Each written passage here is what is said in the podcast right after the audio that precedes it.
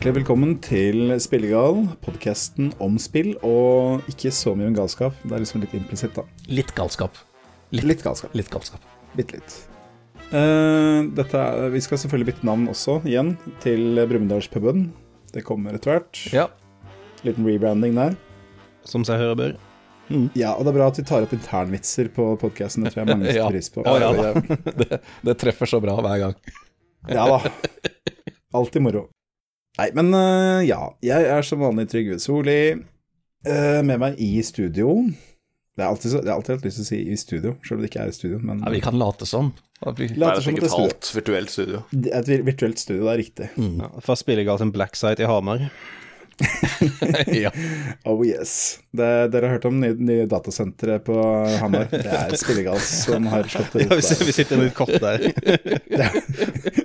TikTok, det, liksom. Det er ikke noe TikTok, det er bare, bare Spillegal HQ. Plugga oss rett inn i Spotify-serverne. Ja da, det, det tok uh, mange sekunder tok det å spore helt av nå. ja, du gjorde. ikke å introdusere oss engang. Skal vi bare gå videre og bli fuck it? Ja, vi har med Terje Høybakk, Hei, hei, det er meg. Sindre Skåre Det er meg. og Niklas Gillian. Hallo. Hei. Bra å ha dere her, som alltid. Jo, takk. Eh, Ukens tema, da. Eh, hvis dere har noe innspill på ukens tema, hvis dere har noe innspill til temaer vi skal ta opp, ikke send inn det, forresten, for at vi har uh, altfor mange allerede. Men i hvert fall, dere kan sende den til hetsalfakrøllspillegal.no.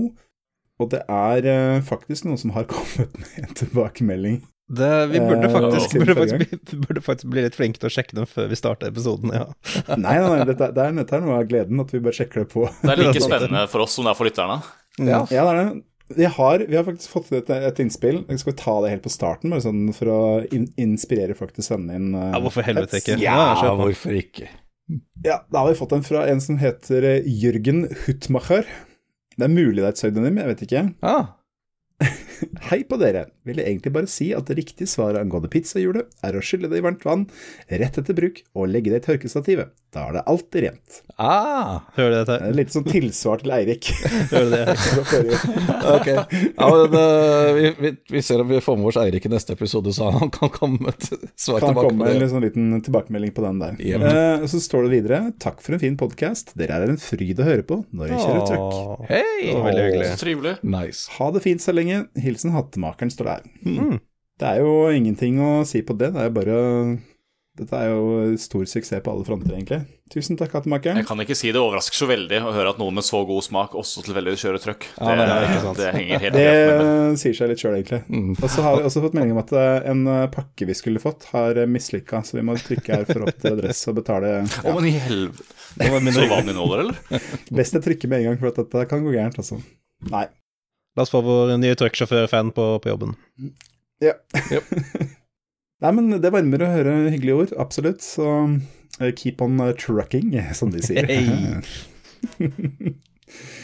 Yes. Nei, men eh, som jeg begynte å si da, før jeg ble avspurt nok en gang av meg sjøl ukens, ukens tema er ukens, det er en måned siden vi spilte sist. Ja, det, denne Episodens episodens tema, tema er Hva gleder vi oss til i 2024? Mhm. Spørsmålstegn, utropstegn, spørsmålstegn. Ja, fordi nå som uh, nyåret er helt ferskt, og vi er i februar, så må vi jo ta, ta, ta hånd om dette, ta grep om dette temaet. Jeg kan avsløre avslør at fjorårets eh, episode, hva, hva vi gleder oss til i 2023, den kom også ut i februar. Ja, men skulle sett. Ja, men da, greit, da får vi bare oppbevare den tradisjonen, da. Ja. konsekvent og fint. Ja, same procedures every year. Problemet. Skal vi, skal vi, skal vi rekke samme dato, så må vi klare å ha denne episoden ute i morgen. Så det Det vil jo ta munnen litt for full, syns jeg. Men folk vet ikke når vi spiller inn episoden, da. Så, Nei, nei. så vidt dere vet, spilte vi den i går. Og så er det skuddår. det er riktig. Spilte den inn i går. mm. Uansett, da. Før vi eh, slenger i gang Nå nevnte vi allerede episoden i fjor hvor vi gleda oss til spill i 2023. Og da har vi et lite forslag om å skulle ta et lite tilbakeblikk før vi kjører på med lista vår for uh, i år, og se hva vi, hva vi gleda oss til, da. Ja. Om det, Ja. Og om det matcha særlig bra med Om gleden ble oppnådd, liksom. Ja, ja.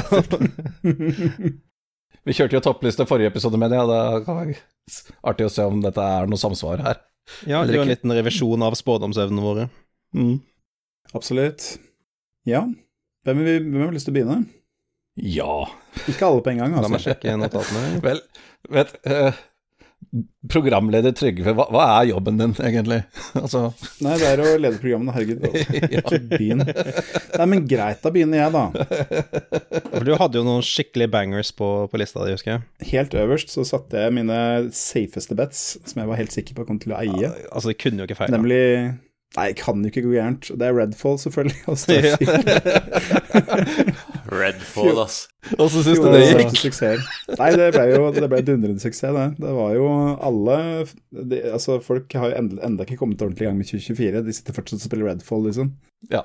Det ble jo en uh, både kritikerost og salgssuksess. Nei, det ble ikke det. Det var bare sørgelig. Ja, hvordan, tror du, hvordan har halen på det vært, egentlig? Har, Nei, det, det, det, sank jo uka etter at det kom ut. Det er jo ingen som prater om det lenger. Ja, fordi Hvis jeg husker riktig, jeg hørte jo på episoden på nytt igjen for, uh, for ikke så lenge siden, uh, for, mm. for å liksom dobbeltsjekke hva det var de prata om igjen. Uh, jeg mener å huske at de var sånn Ja, men Arkane kan jo ikke gjøre noe feil. Nei, det, Nei. Nei, altså, jeg, jeg tenkte det nå. Det, ja, altså, de hadde liksom, de hadde liksom uh, Prey er jo var ikke det de forrige spilte, de som lagde Redfall, tro. Ja, altså Eat før det, og så Love før det? Nei, Deathloop var det forrige, forrige greia deres. Ja, men det er to, to, i hvert fall to teams i Arcane, og det ene er uh, de som lagde Prey, ja, og det andre er de som lagde Deathloop. Og mm. begge de spiller eide, så jeg tenkte dette her er jo bankers, men det var det ikke. Mm. Starfield har vi vel diskutert allerede. Det var jo ikke noen store høyder. Vi har pløyd den marka flere ganger. Det ja. Men uh, vil, vil, notere at Vi tar en liten eh, time til for kosens skyld. For ja. et spill. For et Men, spill. Uh. Noterte jo, noterte jo, ned, uh, noterte jo ned at både Terje og Niklas så mer frem til lanseringen enn selve spillet. Og det føler jeg var en ganske god, ganske god call. Det var nok lurere enn det jeg gjorde. Jeg, går, jeg er litt for, litt for, oppriktig, litt for optimistisk av og til. Jeg, jeg Men, spilte, jo, spilte, jo, faktisk i 150 timer, da. Så, jeg skulle til å si Ja. Det er, ja, litt altså, Du er fornøyd, Terje? Nei, altså, jeg anerkjenner ikke at det var et kanonbra spill, egentlig. Bare, jeg ble bare stuck i den, den, loopen, og ja ja. Det var fint å få oppdatert seg på podkastepisoder mens den rota rundt på planeter. Ok. Mm. Ikke sant. Mm. mm. Men uh, på motsatt side av spekteret, da, det som syns jeg er litt gøy, er jo eh, Det var jo entusiasme for to svære kalkuner, men så var det også veldig sånn forsiktig optimisme. Sånn der ah, kanskje dette her blir bra, jeg vet ikke helt. Eh, det kommer jo gjerne mest fra min del, da, eh, og det var jo Boulderskate 3. Hvor jeg var ja. veldig sånn der sånn, ah, Ja, det, sånn, Divinity 2 var ganske ålreit, jeg hørte noe litt sånn så litt interessant ut i Early Access, det klippene jeg har sett og sånt, uh, og så endte det opp med å bare bli liksom sånn me megasuksess, Game of the Year, uh, monsterhit, liksom, så Yes, jeg førte opp den jeg også, men uh, jeg har ikke spilt ennå. Dessverre. Det... Ja. Jeg tror Boulders Gate 3 kommer til å være et sånt spill som jeg kommer til å sitte om 20 år og fortsatt si at fy faen, det er et spill jeg virkelig burde ha spilt, men bare aldri har fått gjort. Ja. For Hvorfor ikke? Ja, men Det er sånn jeg føler om uh, Mass Effect-trilogien, og det er jo Sammenlagt så er den kanskje halvparten av lengden til Baldur's Gate 3, liksom. ja, nemlig. Du mener selvfølgelig Mass Effect-kvadrilogien? Oi, oi, oi. Beklager. Det, er det ingen som gjør. Det er det ingen som gjør noensinne. Hold kjeft. Jeg spilte det dumme Andromeda-spillet også i over 100 timer. Jeg vet ikke hva som feiler. Ja, selvfølgelig gjorde du det! Nå skal du lære ut av er det et syndrom, liksom, hvor du trekkes mot de der? Nøk nøkkelen for Terje til å spille nå, er, er, det at alle andre syns det er skikkelig skuffende. Da, ja. Så nå vi bare lurer Terje til å tro at uh, et eller annet uh, vi har lyst til å ha med på Nei, Baldur's 3, det, det, er skikkelig skuffende, altså. Det må du ikke spille. ja, ikke Nei, det ble jeg ordentlig lett av. Nei, jeg er rimelig sikker på at jeg har jo bare spilt uh, 10-12 timer inn i Baldur's 1 og ikke Baldur's 2 overhodet noensinne. Å oh, ja, nei, men da er det ikke noe å hente for deg her uansett. Nei, nei, altså Men det er jo også en ting Nettopp som jeg sier, det er jeg har sittet i 20 år og tenkt at faen, jeg må se få gjort det igjen, da. Oh, ja, ja, så da, Du har liksom grunnlag da, for, for, den påstanden om at du kommer til å sitte om 20 år og Ja, ja ok, nå kommer Boulder Skate 3, så det var vel det jeg tenkte for et år siden. At i år er året jeg skal spille Boulder Skate 1 og 2 og være klar for Boulder Skate 3. får, får, jeg lov å foreslå at uh, du skipper de to første og heller går rett på treeren? Er det et forslag som går an, eller? Nei, det, det er ingen som spiller sånn spill sånn. Det går jo ikke an. Nei, ikke greit. Okay. Altså, begge deler funker. Jeg, jeg spilte jo, jeg spilte jo treeren uten å ha spilt noe særlig av én eller toeren. Jeg kommer vel kanskje noen, time, sånn titalls timer inn i den første. mm. før jeg rappa opp, men det er jo veldig mye fanservice i treeren, og veldig mye callbacks og, og, sånne ting til de gamle spillene. Så jeg tror du ja. kan få mye ut av å faktisk spille gjennom klassikerne før du hopper på den siste. Men hva snakker vi om da, alle tre Boulderskate-spillene? Snakker vi 480 timer totalt, eller hva? Nei, no, noe sånt. Altså, men jeg bare, bare minner om at Boulderskate 1-2 er godt over 20 år gamle, og det er ikke så veldig artig å spille i dag. Altså. Nope, det var derfor jeg ga opp. yes. Nei, men uh, hvis vi skreller litt videre på lista her, da, i hvert fall. Uh, jeg hadde jo også Selda på min liste, det slo selvfølgelig til, da. det har vi jo prata nok om. Uh, yeah. Dead Space-remaken, den uh, syns jeg var bra. Ja, sitat. Dette kan de ikke fucke opp. det gjorde de faktisk heller ikke. Nei, men det, ja. du vet jo aldri, sånn. Nei da. Ja, for de fucka vel opp den derre Den nye til de folka. Callisto Protocol. Så også Callisto yes. Protocol. Ja, det var ikke noe særlig hype for det, var det det? Jeg tror, yeah. altså, For det var jo noen av skaperne og designerne fra originalen ja. Space. Jeg tror det var litt, litt hype på Og så så det jævla bra ut. Altså, Mitt yeah. forhold til Callisto Protocol er at jeg har sittet og studert uh, skinshaderne deres en del. Uh, mm. For det er sånn grafisk sett så er den dritfett, og det er jo Var vel en av de få sånn eksklusiv next gen-spillene som kom ut til liksom PlayStation 5 og Xbox uh, Series ja, X. Så da var det på en måte ja. sånn trekkplass. Sånn, ok, nå skal vi få sånn grafikkbalanse uh, som ikke er holdt tilbake av tidligere generasjon. Så mm. det var jo viss mengde hype for det, men den har, har ikke akkurat mye har, føler ikke at det hadde mye staying power. Jeg føler ikke folk prater så mye om Callisto og Protocol i ettertid. Nei, det er Akkurat det. Var, um, det var litt sånn var litt wonky på en del ting. Altså, jeg likte det ganske godt, men det var liksom kampene var litt mer sånn Det var ikke så veldig mm. spennende, mm. dessverre. Yes. Uh, jeg hadde også Resident Evil 4-remaken på lista mi. Den, da den kom ut, så bestemte jeg for at jeg gidder ikke kjøpe den. Så det Det var liksom ellevte gangen det kom ut, eller noe? Ja, for mange, ja, noe ja, vi, ja. vi pratet vel om det siste gang, men hvor mange remakes har de av Resident Evil 4 nå? Ja. Det begynner å bli et par, ja. Men dette er det minste en ordentlig, liksom, ordentlig remake-remake, ikke bare en sånn HD-remaster. Mm -hmm. mm. Ja, men eh, ja, det, det, er, det, går jo for bra, det også. Jeg kommer til å plukke det opp på, på salg, tenker jeg. Uh, Destiny 2 DLC hadde jeg. Hvordan gikk med det? det jo, det sånn passe. Jeg spilte mye, men det, det var ikke noen Det er mer Destiny? Det er mer Destiny. Det var ikke det det, var ikke det, det burde vært. Det var det ikke. Det har vi omtalt. Uh, Angerfoot og Anton Blast og Solim Infernum var mine siste. Ingen ja. av de kom ut i 2023, da. Så sånn sett litt skuffende. Gjorde ikke Anton Blast det? Anton Blast det er ikke ute ennå. Det er en oh, demo ute, så jeg har spilt demoen. Ah, right. Det syns jeg er litt synd for Anton Blast, er at Pizza Tower kom og stjal hele That's right. slikken der. Kanskje derfor de bare sitter på gjerdet litt. Ja, jeg vet ikke, men uh, det virker, jeg har spilt demoen, som sagt. Det, det, legger seg ekstremt tett opp til Varuland 4, så det blir spennende å se hvordan, de, ja, det blir i men, fullversjon. Men uh, Jeg testa ikke Anton Blast-demoen, men uh, Pete Star fikk jeg spilt uh, litt, grann, og det er jo veldig fast-paced uh, sånn plattforming-galskap, som veldig sånn twitchy. Ja. Slik jeg, altså, slik jeg husker Varuland Er ikke Anton Blast mer som Varuland 3? Det er jo litt mer sånn puzzle-plattforming. Nei, nei, det er eh, altså, som sagt, det er ekstremt Orland 4. Det er eh, Du skal Og 4, ja. Ok, ja, den er mye mer Ja. ja. Altså, det er, det er ikke Altså, Pizza Tower er veldig likt Orland 4, da, men Pizza ja, ja. Tower er mye mer teknisk, sånn sett. Du må huske alle movesa og oh, ja. riktig komboer og alt mulig greier. Det var derfor jeg doppa det, for det var typ sånn Ok, dette jeg har lyst til å runde, men jeg bare trenger litt mer mental kapasitet enn jeg har akkurat nå for å sette meg inn i det. Jeps, jeps. Ja. Nei, jeg venter fortsatt på Angerfoot, da. Det kommer i år, får vi håpe. Det ser veldig ja, fett ut. Ja, det, det ser faen meg fett ut. Ja, ja. Mm, Hva er det igjen? Det er litt som Hotline Miami, bare i førstepersons perspektiv. Og i stedet for gunnere, så har du føtter? Ja, du, har føtter. du, du får gunner òg, da. Du, altså, det er uh, Gunner på foten? Altså, det er, det er uh, selve definisjonen på acquired taste, tror jeg. Det er sånn uh, -huh. tegneseriekrokodiller du skal slåss mot, og så er det sånn Det er sånn hardbase-musikk ja, ja, ja. hele tida. Så det var sånn derre Hele tida. Det, liksom, det er ikke alle som liker det. Det, det høres ikke slitsomt ut overhodet. Det er bra. Nei, så altså, du, du, må være veldig Du må være inn, inn på den bølgelengden, da. Du må ha en sint fot. Ja, du må ha en sint fot. Det er ja, også viktig. Det er veldig mye sparking involvert i det, hvis jeg husker riktig. Det Jøss. Yes. Ja. Mm. Mm. Det er det. ja. ja, men dette, ja, ja, ja, stemmer det. Det ser jo litt småkult ut, det. Med på den. Mm.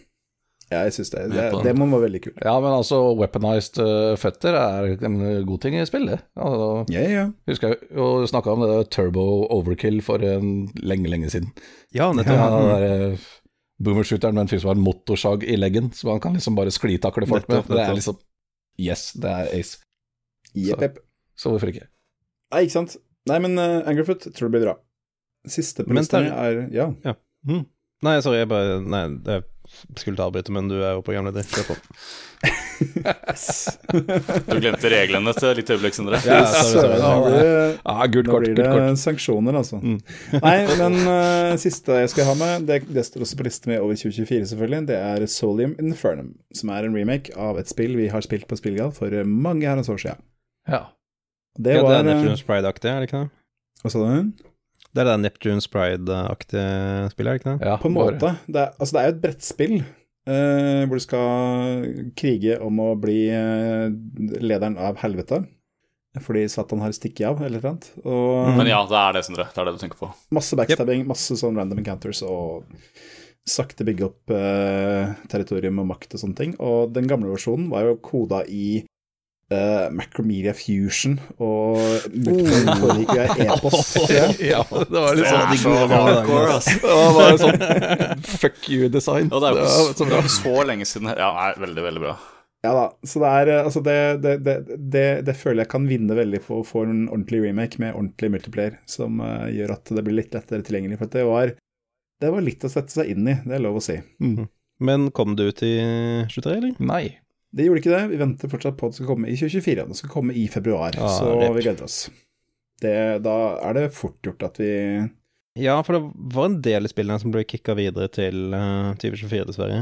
Det er det. Ja, um, ikke ja. minst min, uh, min, hjertesten, altså det, det jeg gledet meg mest til. Uh, Skull and Bones. Ja, ja ikke sant. Ubisoft, ja. stortittelen, som nå altså hvis du bare kan, altså De har jobbet med det så lenge at det, når det kommer, så må det bli helt utrolig bra. Uh, så mye tid og arbeid er lagt i det. Sier seg sjøl. I hvert fall dobbelt så mye innhold som både Witcher og, og, Elden Ring, med tanke på hvor lang tid det har tatt laget. jeg fikk invite til, til betaen nå sånn for noen uker siden, ja. og jeg testa den i Jeg tror jeg orka sånn ti minutter før jeg, måtte, før jeg måtte lukke det, liksom, for jeg ble så sint av å spille det. Eh, det var som å spille liksom, de kjipe delene i Assassin's Creed. Sånn bare den derre helt jævlige Uber-tutorial-viben, ja, liksom. Altså, vent, vent, hvilke, hvilke deler av Assassin's Creed er ikke de kjipe delene av Assassin's Creed? Jeg vet ikke, folk liker dem. Er... Nei, nei, for jeg vil si båtkjøringen i ja. Black Flag ja. var jo faktisk fet, og det var derfor det spillet her ble lagd, som en spin-off til å være sånn Alle elsker båtdelen av det spillet her. La oss lage en kjapp liten uh, ja, spin-off. Okay. Ja, ja, quick, quick 20 minute, uh, 20 yes. minute adventure, liksom. Sånn. In out. Men, men uh, jeg så på deg spille den uh, betaen, og det første som skjer, er at det, du bare soser rundt på en øy og er sånn survival crafting-greie i stedet for å faktisk kjøre rundt på en båt? Var det slik forstått? Ja, jeg skal være ærlig på at jeg ga nok ikke den største sjansen jeg kunne. Men uh, ja. jeg, jeg forstod det slik at du måtte bygge sammen, skrape sammen og matche. Og det må jo være et spill der. Altså, og med et spill så mener jeg da sånn herre checklist. Liksom sånn hva, hvordan, lager, hva, hvordan, lager, man spill i dag liksom, per 2024? Ja. Og da er det de samme tingene liksom, som går mm. igjen. Og det er jo det er Ubisoft design. Ah, jeg tror det, tror det, var med en viss ironi du la til det på lista di i fjor, for å si det sånn. Mm. Det ja, kunne jo vært fett. Ja, ja, det blir, det blir helhjerta og uroende i år. Ja. Nei, men det er type sånn Altså, vi spiller jo fremdeles et av de andre store Development Hell-spillene til Ubisoft, uh, altså Rainbow Six Siege. Og det spillet skulle jo egentlig vært dead in the water når det kom ut, så det er jo et mirakel at det har blitt så bra som det er. Ja, Ward. Det er et veldig godt poeng. Så vi krysser fingra. Jeg, tenker mm. Skull Bones blir neste Siege, altså. Det må Ja, ikke sant? Kanskje hvis dere spiller det om åtte år? Ikke sant. Det er mest sannsynlig. Yes, yes. Ny metaverse starter i Skull Bones. Det er der, der det kicker off, liksom. Ja. Um, Niklas, du hadde jo også to andre på lista di. Du hadde jo ja. Armored Core, som jeg føler slo veldig bra til. Ja, det traff meg rett i hjertet, i hvert fall. Det var... Jeg messa så vidt om det i forrige episode også, men det syns jeg var knall. Det leverte akkurat mm. Det leverte godsakene, akkurat det jeg ville ha fra deg. Det er jeg sitter og, ser på, sitter og ser på det som neste store spillprosjekt jeg har lyst til å gå gjennom uh, nå uh, ja. Armored Core, fordi det er bare sånn Jeg vet jeg kommer til å elske det, og all den varme omtalen og gitt det bare gjør meg skikkelig gira på det. Så. Ja, det kommer til, å- kommer til å digge det. Og så er det litt sånn chill at det er ikke sånn, det er ikke sånn Elden Ring 100 timers helvete heller, liksom. Jeg tror jeg klokka inn Nei. på under 40, tror jeg, og jeg spilte den tre ganger. Mm. Mm. Mm. Så, så ja, det er ikke Ja, nei, kongespill. To tomler opp. Yes, yes. Nei, gleder meg. Veldig, veldig bra. Du hadde også um, Hollow Night Silksong, hadde du ikke det, Niklas? Jo, det, jeg ser, det står jo det her, da, at jeg hadde det. Ja. jeg vet ikke hvor ironisk det var, ja, men jeg, jeg, jeg er ikke så overraska over at jeg ble forsinka, hvis det er lov å si. Det har vært litt sånn uh, running gag i noen år. Mm. Og noterte ned med ha-ha særlig i parentes i notatene dine, så Ja, sånn som Ja. jeg vet det. ja. Yes. Nei, men uh, altså, Hollow Night, det, det holdt ikke så lenge for min del, men det er ikke dårlig, akkurat. Det er bare Holdt ikke night, som du pleier å kalle det. Ja, det Men uh, vi får tro at Silksong det treffer bra når det kommer. ja. Kanskje. Men det er jo sånn Det er jo liksom ikke sånn DevHell-situasjon med det heller, egentlig. Jeg tror det bare at de bare tar seg sin tid, egentlig, siden Hollow Night ble såpass suksessfullt uh, i første runde. mm. Det er en skull and bones-situasjon.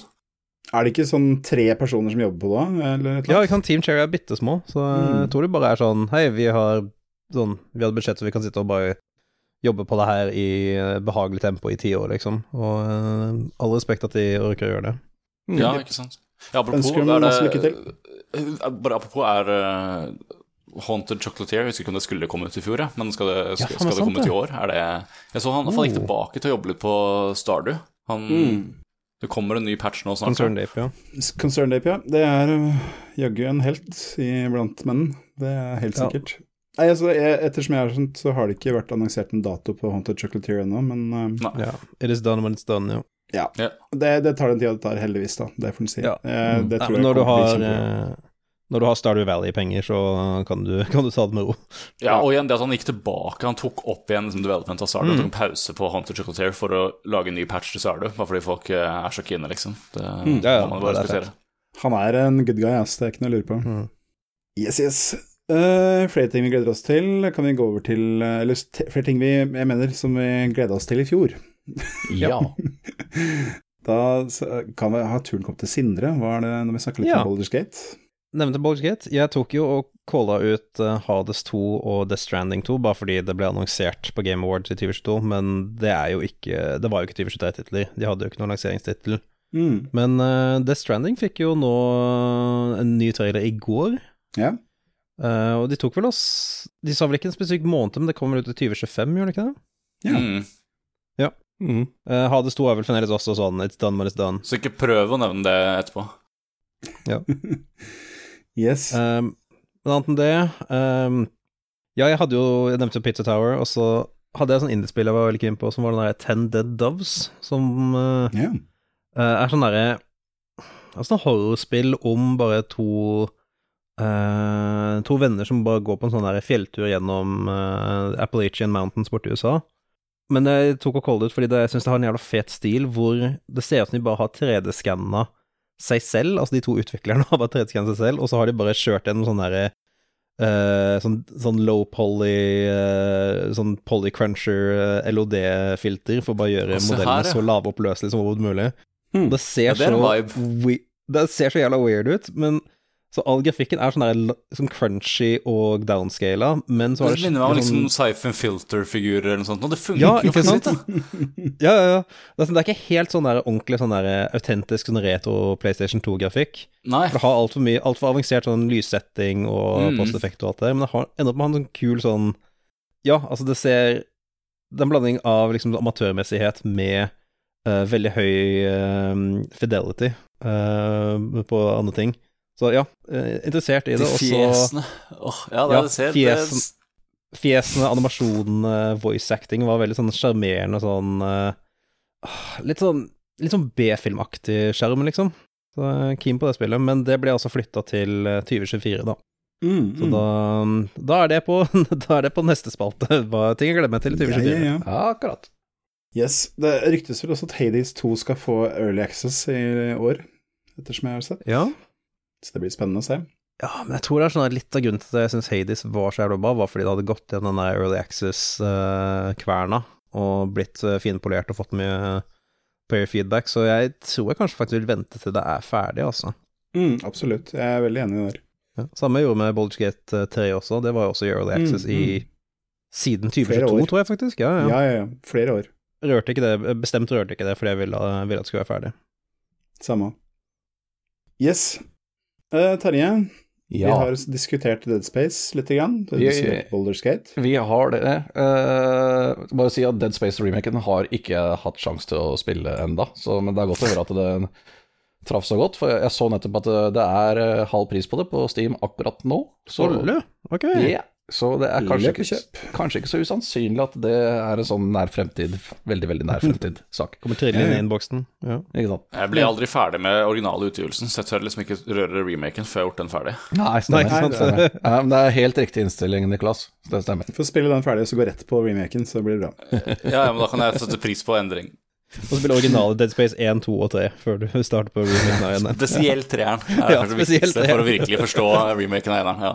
Mm. Kan, kan du spille treeren en gang? Hadde ikke det masse sånne jævla on, always online microtransaction-dritt du måtte Eh, uh, jeg spilte det for Det er noen år siden nå, men uh, jo da, det, det lar seg spille. Det, Ok. du kan, du kan, Dessverre. Nei, altså, du, kan, du kan fullstendig drite i alle de der microtransaction-greiene. Det er bare masse sånn Du kan grinde opp mats og eh, ja, crafte masse drit og sånt. Og det er det, det er det du kan kjøpe, da, eh, i mikrotransaksjoner. det Det er ja. Masse sånne materialpakker for å slippe å måtte leite opp og ja. mm. Det er pay to win. Det er klemt inn multiplayer i det som eh, ingen var interessert i, og ja.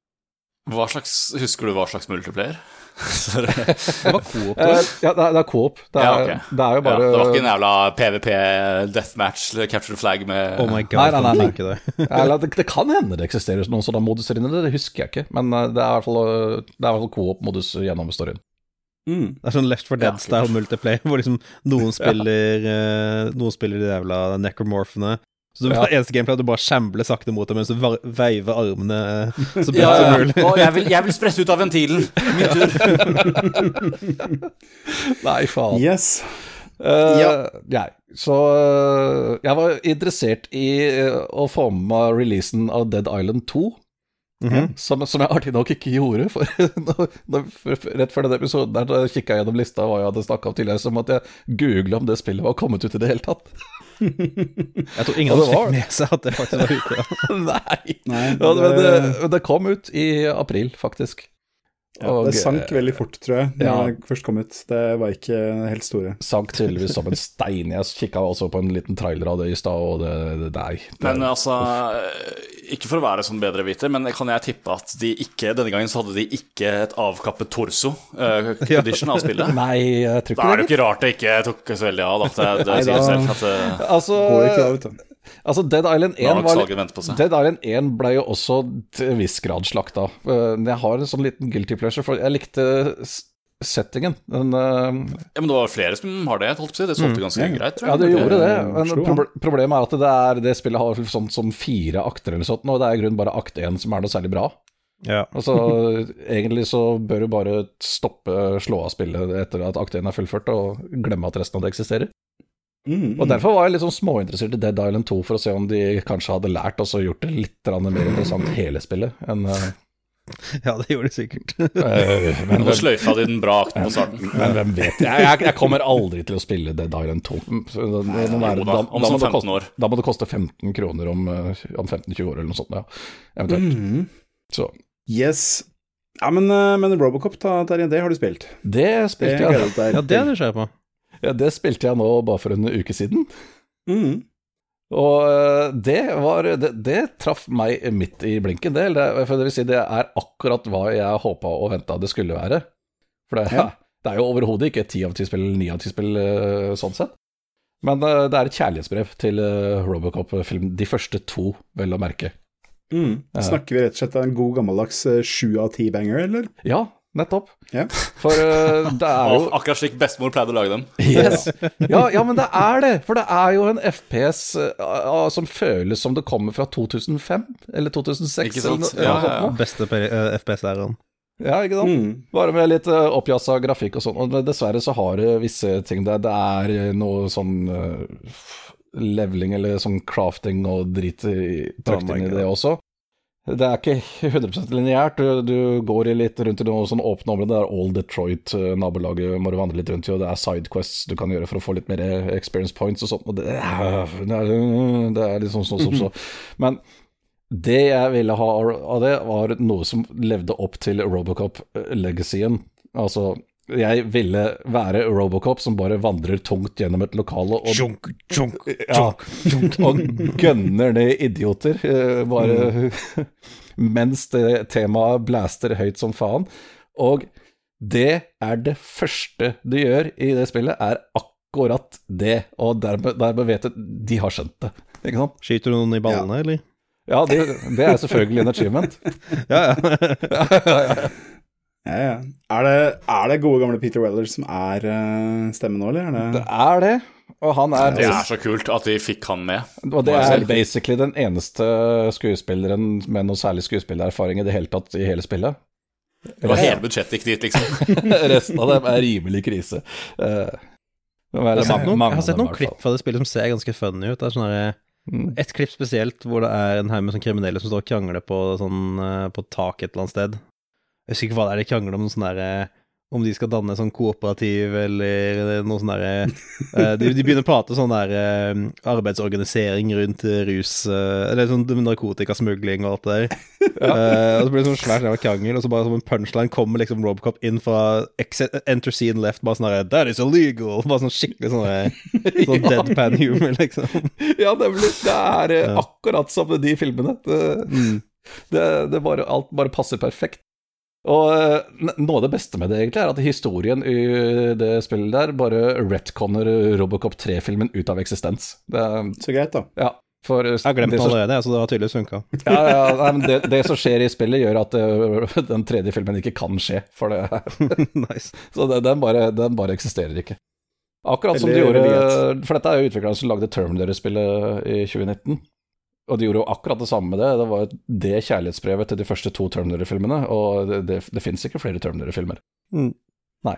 Og Robocop-spillet gjør akkurat det samme for Robocop, Mm, mm. og det er kanon, altså. Jeg elsker det. Og det er selvfølgelig hundrevis av nikk til filmene. Det en bane er, foregår i en sånn eh, stålestøperifabrikk, selvfølgelig, sånn steel mill.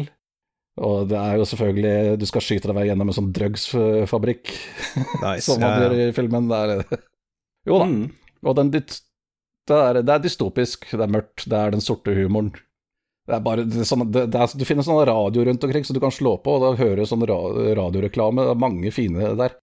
De annonserte, eller de snakka om feiringa av nasjonaldagen i Guatemala. Resulterte dessverre i 16 døde da myndighetene misforsto og trodde det var et nytt statskupp. Ikke sant? Så, Sånne ting som det. Ganske, ganske verhovensk, ja. Ja. Oh yes. Så Ja, eh, det er Hvis du har et, et lite kjærlighetsforhold til de første gamle Robocop-filmene, så er det faktisk et ganske kanonspill. Meget bra.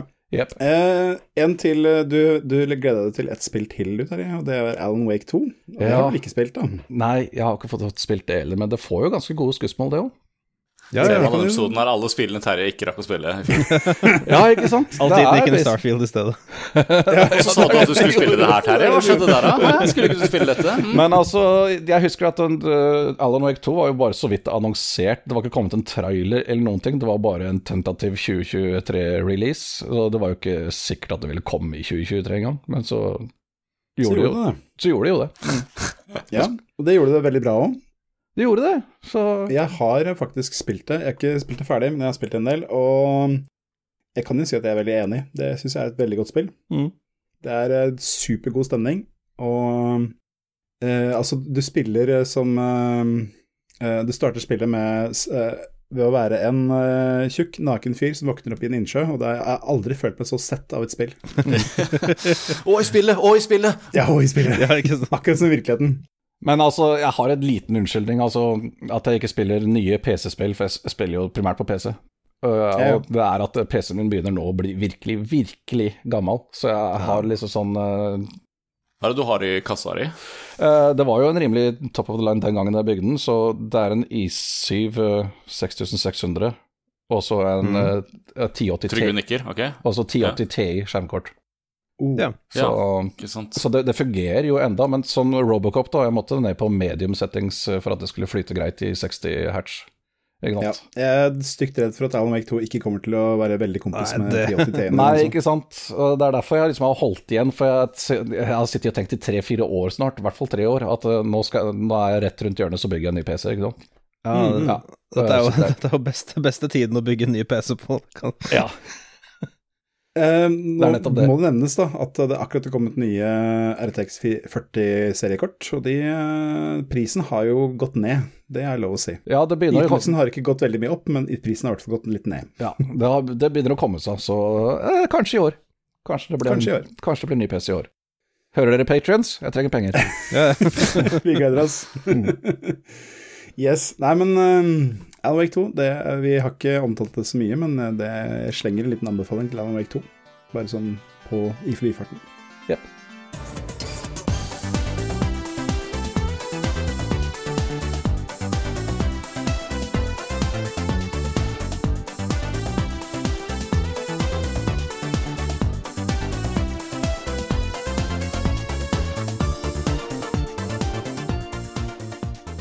Yes, Da er det altså hvilke spill vi gleder oss til i 2024.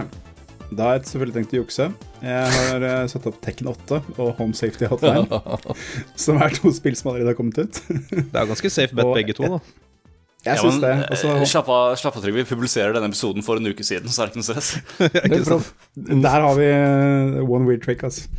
Nei, jeg vil ikke, skal ikke sitte og prate så mye, men jeg vil bare nevne at Tekken 8 det har eh, overgått mine forventninger. Det var eh, sjukt bra. Det, som jeg sa i stad, jeg skulle ønske jeg kunne sitte og spille Tekken 8 nå, men det kan jeg ikke. Ja, har du fått, uh, har du fått eh, Tekken på åtte, eller? eller? Oh. Eller, eller den gode gamle Skal vi spille Tekken-kjekken? Oh. Du kan fortsatt slåss i det, eller? Det like. Eh, Du kan, du kan fortsatt slåss i det. Eh, Det er ikke bare sånn dress up-spill nå. Ja, nei, nå er det bare bowling. Nei, Ja, ja. De, nei, fullt, bowling, de, de skjønte hva folk ville ha etter Tekken Tag, så nå er det bare bowling. Ja, bra. Nice. Det var den delen jeg likte. Det Tekken var den delen- jeg likte i Tekken Tag. Ja. Ikke glem Tekken Ball, da, selvfølgelig. Som er volleyball, bare med Tekken. Ja. Og så kan du selvfølgelig dress up. Mm. ja, Tekken 8 hadde jeg jo Jeg hadde jo akkurat samme erfaring med Tekken 8 som jeg hadde med Street Fighter 6 eh, for et par uker siden. Hvor jeg bare spilte det under eh, en lønningspils, og fy faen, det er bare Det er ganske annerledes spill enn Street Fighter, selvfølgelig. Men det er bare sånn Det som slo meg, var sånn at Det er så lav terskel for bare å fyre av noen av de mest sånn sinnssyke, overanimerte komboene du har noensinne sett, liksom. Sånn Ja. Veldig tilfredsstillende sånn eh, Jeg vil ikke kalle det button mash engang, for du er på en måte nødt til å ha litt sånn Planlegge litt grann hva du, hva du driver med, alt det der. Men liksom så snart Mm. du Sånn Så snart du får i gang en kombo, så er det ikke sånn der noe så enkelt som en jeg vil ha eh, spinning bird kick eller, eh, eller noe sånt. ting. Her er det sånn der Nei, nå er det sånn ti sekunder cutscene hvor du Uh, hvor du kjører gjennom fem husvegger, og så kjører en uh, lastebil over dem, liksom. Eller uh, slenger en laks som viser seg å være en missil. på Ja, ikke sant. Sånne ting. Så- Så alle, alle angrepene føles ut som en Mortal Kombat. Jeg må si at den, så, den missilen så jeg ikke komme. Den tok meg på senga, rett og slett. Det er godt å se at spill fortsatt kan overraske. Mhm. Ja, det er, det er veldig fint. det er selvfølgelig masse sånn bananas i spillet. Men ja, eh, Teknote, veldig bra. Det liker vi. Jeg liker det i hvert fall.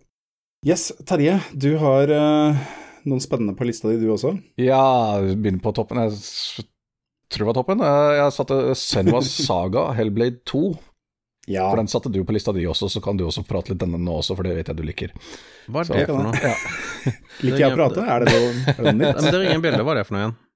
Hellblade uh, Senwa Faen, hva faen het originalen igjen? Å ja, Send Sacrifice, ja. Den der til Sacrifice, ja. Det er den som uh, går dypt inn i PTSD og uh, Ja, ja, ja. ja.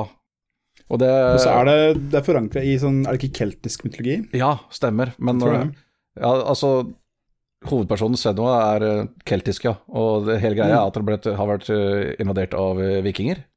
Har Mm. liksom slakta hele landsbyen og familien, så hun har jo PTSD og, og, og traumer som bare F, ikke sant? Og hører stemmer, schizofreni og alt sammen, ser syner, ser ikke verden slik den virkelig er, og du skal spille igjen Mm. og spille på den måten der, og vel, de, de forska jo hardt på hvordan dette her fungerer, og hvordan folk som virkelig opplever disse tingene, opplever disse tingene. Og mm. fikk faktisk veldig skryt for å gi et ganske realistisk bilde på hvordan det er å slite med disse tingene. Og det Ja. Og så er det, det er et spill hvor på en måte mye av, eh, hva skal jeg si, æren for det ligger jo i hun som spiller Senja. Det er jo en performance capture av en skuespiller. Ja, har, Så jeg eh, sørget for, sørget for å traumatisere henne og gi henne PTSD og schizofreni og hele pakka bare for å få en autentisk oh, shit, det er så- performance. Ja, det er så autentisk. Det er så virkelighetsnært. Wow! Vi har waterboarda den skuespilleren vår i ti timer nå. Nå er hun klar for å ta liksom kverte valper foran henne mens hun spilte og sånn. det- sånn ja. Ja. Eh, nei, det jeg tror jeg kanskje ikke de gjorde det. Men uh, hun er veldig dyktig, og det var mye av det som gjorde at spillet Yes. var så bra, da. Så hvis eh, Hellblade 2 er mer av det samme, så er Hellblade 2 et bra spill. Er, Det er det. tipper jeg. Mm. Yes, likte det veldig godt. Yep. Det er den, altså. Ikke spilt tårn. Yes, og så har du eh, et spill som jeg glemte å skrive på lista mi, men som jeg ser både Nicholas og du har, og det er Rise of the Golden Idol. Let's fucking Ja, go! let's fucking Let's go! Yes. Jeg hadde fucking jeg hadde fucking glemt å skrive den på lista mi, men selvfølgelig, det kom jo 24 også. Yes, ja. altså eh, Kroppen har- er så klar. Vi har skrytt i The Golden Isle-spillet opp i skyene Mm. så mange ganger i den podkasten her at det skulle nesten ikke være nødvendig å gjøre det mer. Men vi Mm. gjør det likevel. Golden Isle er et fantastisk puslespill. Jeg lurer på hva som skal til for at det der blir dårlig. Sånn Ja, det, at de blir kjøpt opp av EA eller sånn noe. Ja. Eller ja, sånn er eh, den, Microsoft. Jeg gikk full 3D, mye cutscenes. Ja. Mm. Selger franchisen og får bare noen helt andre til å designe puzzles og alt som ikke har greie på det overhodet, og sånn, sånn, et eller annet sånt. Det er den måten å fucke det opp på.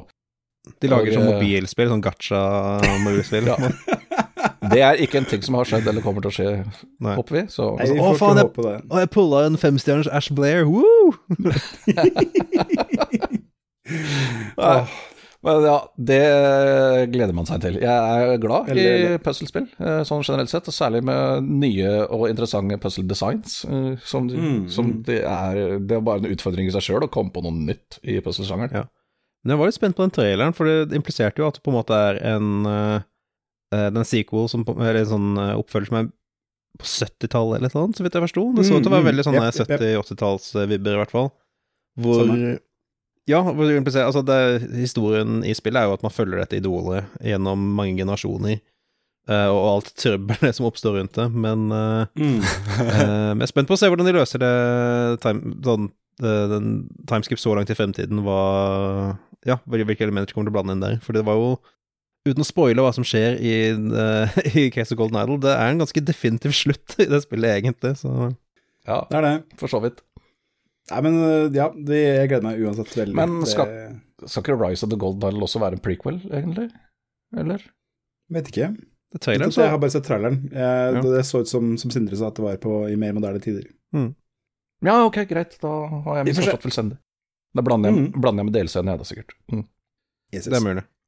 Kanskje. Mm. Eh, Sindre, har du Jeg ser at du har en lang og fyldig liste her. Jeg vet ikke om du vil plukke noe derfra? Ja, så la meg se. Um, Skroll ned, ta på brillene, brett ut. jeg vil jo calle ut at uh, uh, apropos uh, mye kritikerros, uh, kritikerrost eh, klassiker, så er jo eh, kjære Stalker 2 fikk jo en lanseringsdato nå nylig. Ja. Mm. Eh, så det skal jo komme ut i september nå i 2024.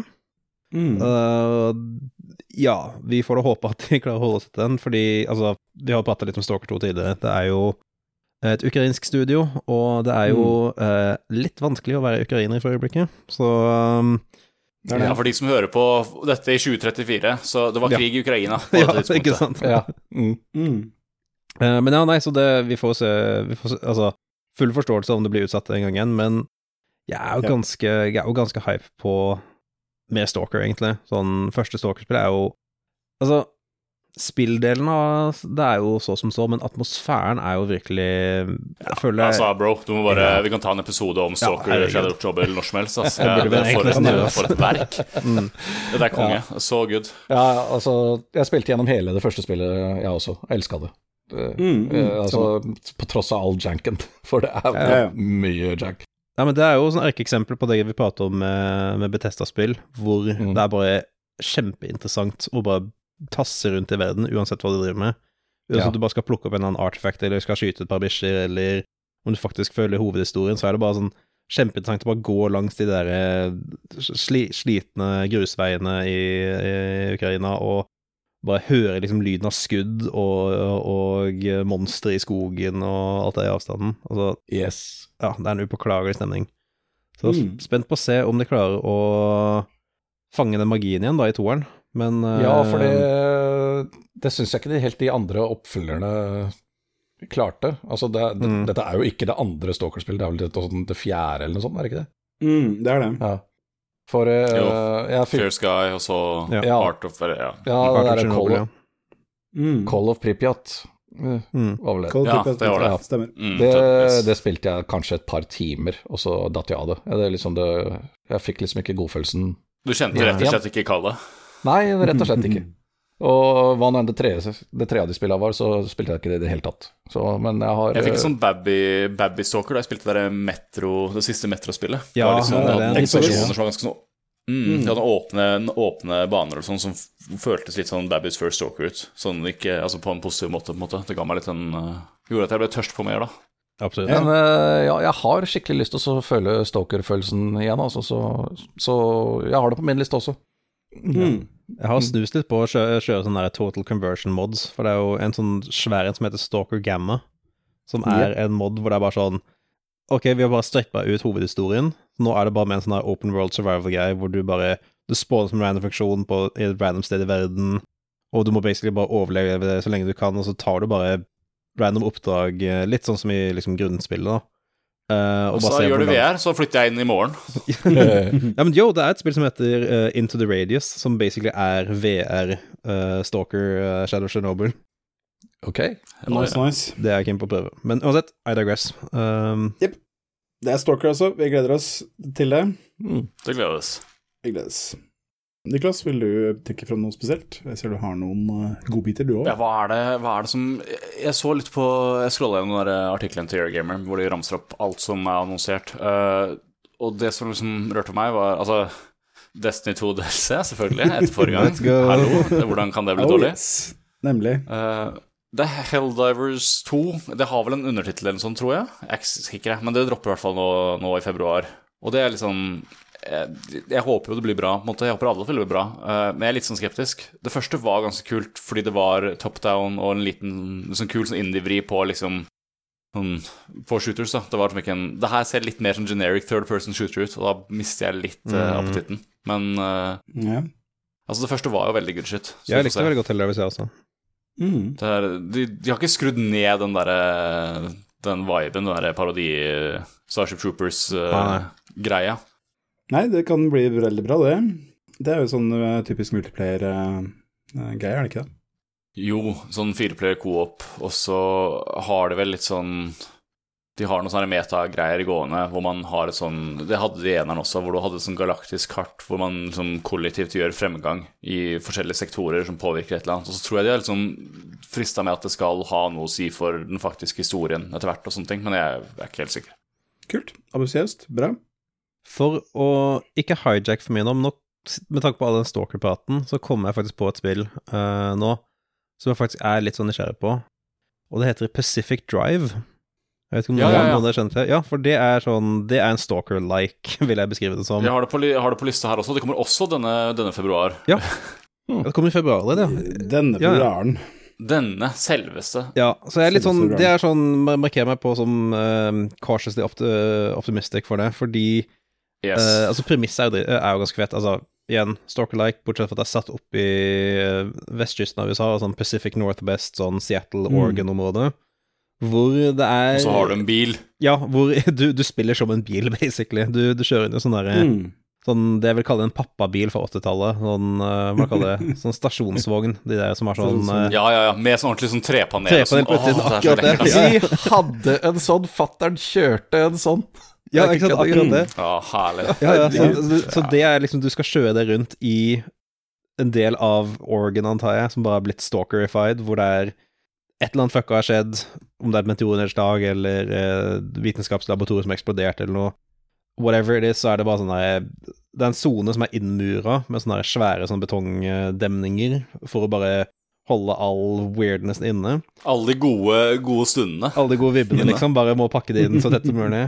Og du skal kjøre Ja, altså denne din shitty Denver Bronco eller hva det er for noe gjennom eh, gjennom, eh, gjennom dette stedet og gjøre Det er jo run Jeg tror det er sånn run-basert sånn Ikke sånn rogelike, men det er sånn Det er run-basert greier hvor du løper ut, samler materialer, crafter mer oppgraderinger til bilen din, og så kitter du den ut med mer og mer utstyr, så du, liksom, du starter med liksom sånn en basic stasjonsvogn.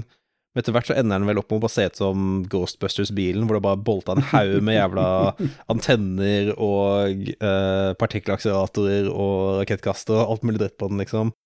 Ja, og så har du en jævla kul visuell stil også, som er sånn litt den derre Litt sånn low poly, men med veldig detaljert lyssetting og shading og, og sånt, så ja, jeg Jeg likte det jeg så på en måte visuelt og stemningsmessig, eh, men jeg syns skrivingen virket litt sånn slitsom. Sånn uh, eh, jeg, jeg så på en streamer spille ca. en, time av det, og det var sånn Ja, ok. Jeg har bare sett sånne korte trailere, liksom, så jeg har ikke helt fått jævlig mye skravling, og jævlig mye sånn exposition dumping for ha slitt med NPC og sånt, men jeg håper liksom det er litt sånn Litt sånn som Hardspace Chipbreaker, hvor er sånn, det, det er veldig frontloada med det, og så er det lange strekninger hvor du egentlig bare kan få lov til å være i fred og bare ja, gjøre, gjøre Ja, det som er ja, ja. gøy, liksom.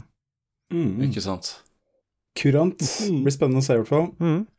Ah, Jeg, bare, jeg hater det når du bare får lov til å sitte og spille spillet, liksom, og kose deg med mekanikken Ja, ja. og systemene og prøve å forstå det på egen hånd. Fins noe ja. Nei, det er grusomt. Nå blir det slutt på det. Yes, uh, Nok er nok. jeg, vil, jeg vil trekke fram litt uh, et som jeg er nysgjerrig på, som når vi snakker om uh, postapokalypse, dystopi og sånne ting, og det er Sandland. Ja. Som jeg antageligvis er er det det eneste som er interessert i. Det ja, er nei, vet, vet du? Ok, for, Forestill deg et land, Terje, ikke sant? Så er det sant der. Og så er det sant Tenk her. på det. Det er eh, basert på en eh, manga. Det er basert på en manga det sant? Yeah. av uh, Akira Toriyama, oh, ja, som da har det, ja. uh, laga Dragon Ball. Ja, den der lille djevelen med brillene, ja. Ja, ja. Altså, det, som- det som jeg gjør, er at uh, det er veldig tydelig for at mangaen er Det er én bok, og den er eh, Altså, den, det, det er masse Den alluderer til masse som ikke, ikke er med i boka i det hele tatt.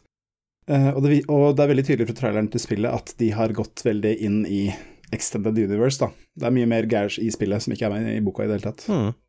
Det er en kul verden, uh, med en kul historie. Altså, den er nok uh, sikta inn mot eh, ungdommer heller enn voksne, men den er liksom, jeg ser fram, litt fram til sånn action, actionbasert uh, eventyr, uh, rollespill-light. Det tror jeg kan bli kult. Og så har du en tank, da, selvfølgelig. Det er Ja, ja. Så jeg er nysgjerrig på den, men jeg ser for meg at det er eh, noe jeg antageligvis ikke kommer til å spille. Eh, Men jeg er interessert i hva det er. For Ja. eh, ja, han er dusten som faktisk abonnerte på Shonen Jump da det kom ut på norsk. Let's go. Ja, Ja, ja, ja. jeg har faktisk norske Shonen Jump komplett i en eller annen eske her. Jeg har noen danske Dragon Ball-bøker i bokhylla også, så. Og Ja. Sandland gikk i den. Og som du sier, Sandland var én bok, så jeg tror hele Sandland eh, er komplett i, i de bøkene der. Mm. Så Yes. Og så er det det at uh, Akira Toriyama er jævla flink til å tegne. Det Ja. er bare ikke noe å si på det. jeg digger, digger, digger liksom det tidlige arbeidet hans. Sånn første liksom originale Dragon Ball, Sandland, uh, hva heter det, Arale og alt det der. Altså sånn Kjempesjarmerende Mm. tegnestil. Og så liker jeg også bare veldig godt humoren hans. Han har bare sånn derre Ja, det er bare sånn, det er bare veldig sånn sjarmerende, liksom, eh, eh, med det. Jeg vet ikke helt hvordan jeg kan beskrive det. Jeg, jeg har ikke noe forhold til det, så jeg har googla det kjapt. Eh, Jeg vil bare si at Sandland det er ei bygd i Loppa kommune i Finnmark. Eh, Det ligger på vestsida av Sandlandsfjorden og i neste delen av kommunen. Det var det jeg altså fikk da jeg. Syv innbyggere i 2015. Ja, bra du er kommer med sånne relevante innspill, Nicolas. Vi elsker det. Ja, ja. Bare, bare fortsett. så- for- Ja. En, en liten sånn, uh, liten sånn vardøge fra Sandland er at uh, der er premien han uh, demonprinsen får for å bli med på oppdraget, er den siste spillkonsollen som noensinne ble laga. Og det er en PlayStation 6. Så vi har én konsollgenerasjon igjen før verden går Å under. nei, oh fuck. Oh boy. Oh boy. Det, Yes, det er too close to comfort, altså. er det. Jeppers. Uh, da kan vi segway over til et spill som jeg har glemt å skrive opp, men som Terje heldigvis har huska på. Det er uh, Lamasoft, The Jeff Minter Story. Ja, for det Det er bare sånn halvveis et spill. Det er mer en dokumentar. Det er betalende spill, ja. Eh, ja. Så, Har du, har du spilt Atari 50, Terje? Nei, og ikke Making of Karateka heller, men begge to er jo selvfølgelig på bøttelista. Eh, Ja. Noe av ting jeg skulle gjort for lengst. Men uh, uansett, jeg har lest om dem og vet hva de er og alt det greiene der. Så Mm, dette her, er- det er snakk om interaktive dokumentarer. det er det. Hmm. Mm. Eh, Atari 50 er veldig kul, egentlig. Altså, det, er, det er masse intervjuer med de her gamle gutta som uh, var med og lagde Atari eh, den gang da. Men Ja. hva er, er det en dokumentar, eller er det et spill? Altså er det interaktivt, eller hva?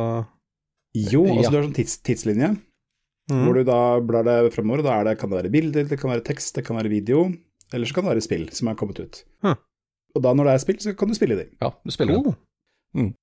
Og jeg har spilt en del av de spillene som er med. Det er mange, altså det er ikke alle, men det er mange Atari-spill som er med, fra både 2600 og de påfølgende konsollene og mm, datamaskinene. Ja. Inkludert en del Jaguar-spill, utrolig nok. ja. Så du kan, du, det er faktisk med et Jeff Minter-spill i den pakka, som er Tempest eh, 2000 til Jaguar. Mm. Det er veldig kult. ja, og den har jo ikke vært eh, mulig å spille på noen fornuftig måte Nei, Nei, jeg- noensinne, egentlig. Ikke da Atari Jaguar var ute engang, for nesten ingen kjøpte den. Jeg skulle til å si Har det noensinne vært det?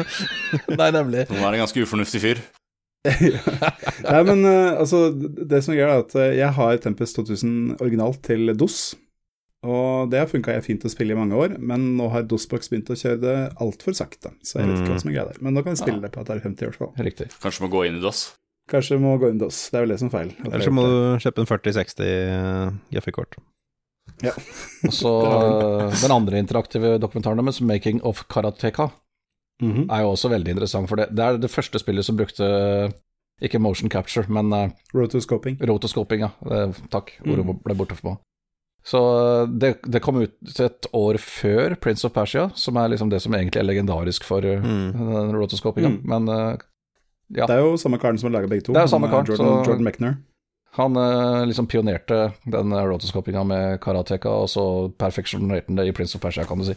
Ja. Mm. Men uansett, hele den der making of karateka, det er jo det, Jeg tror det er alle versjonene er tilgjengelige der, inkludert en del, noen sånne konsept, tidlige konseptversjoner og, og slike Ja, ja. ting. Pluss at sam, sammen med hele historien, du liksom får servert hele historien om utviklinga av det, og kan liksom underveis teste de forskjellige versjonene de snakker om. Ikke sant?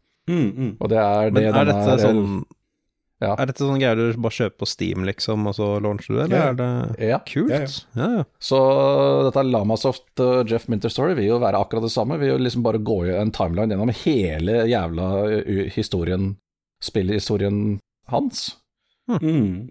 Og det er jo faen Det er meg ikke en noe, kort historie. altså. Nei, det er jo Nei, det er ikke. ikke. Han uh, starta jo og ut, jeg vet, Han jobba for en utgiver eller noe sånt noe helt på tampen av 70-tallet.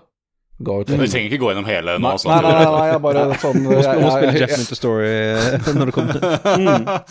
Det er kjempelang, og her er den. Jeg bare tenk på tidslinja. Han starta firmaet sitt eh, Lamasoft eh, i 81 eller noe sånt nå. Og Mm. han og hans livspartner er de eneste to ansatte i det firmaet. Og det har vært Det er, det er eh, verdens eldste indie-utvikler med god margin, kan du si. Mm, mm, mm. For det, det eksisterer og gir ut spill enda. De, de Altså, jeg kan avsløre at det er på en måte drømmetilværelsen til de fleste spillutviklere. Jeg er bare sånn, La meg bare bo på en gård med, med, med kona mi eller bestevennen eller et eller annet, og bare lage, lage rare spill. Som, jeg, Ja, som nesten bare jeg er interessert i. Eller lamaene dine. Mm. ikke sant? Yes. Mm. Nei, men uh, det, det som det, Grunnen til jeg, jeg ser så fram til det, er fordi at altså, Jeff Minter og Giles, som han heter, han, uh, partneren hans, de lever jo fortsatt. Ja. Mm. Og det er ikke blitt uh, så mange intervjuer med dem, men jeg satser på at de har fått access der, da. Og så vet jeg det, at uh, som Terje sier, Lamasoft har holdt på så lenge jeg har levd. Um, uh, de første tiåra så ga han ut et månedlig nyhetsbrev som ble sendt ut verden rundt. Ja. Det var et arkiv over de for noen år siden som jeg leste ganske mange av, men det er mye moro. Det er bare sånn uh, slice of life-greier, men Altså, det er liksom Det er helt insane. Altså, bare, jeg, jeg, jeg fulgte jo fyren på Twitter da det fortsatt gikk an å være på Twitter. Og og, og samme greie, det kunne komme Han kunne bare sitte liksom, og få si 'jeg er på toget', og de neste to timene så kom det bare 80 tweets hvor han bare beskreiv hva han så ut av vinduet eller andre passasjerer, og det var magisk lesing hver gang. Hver eneste gang det kom en sånn tweet hvor, hvor, han bare, hvor det bare sto 'I am on the train', så var det bare å gå og hente kaffe og sette seg ned. For da visste du at nå, nå er det comfy-lesing den neste halvtimen. Nei, jeg husker Han var en bra follow uh, når jeg også brukte Twitter. Mm. Mm, mm.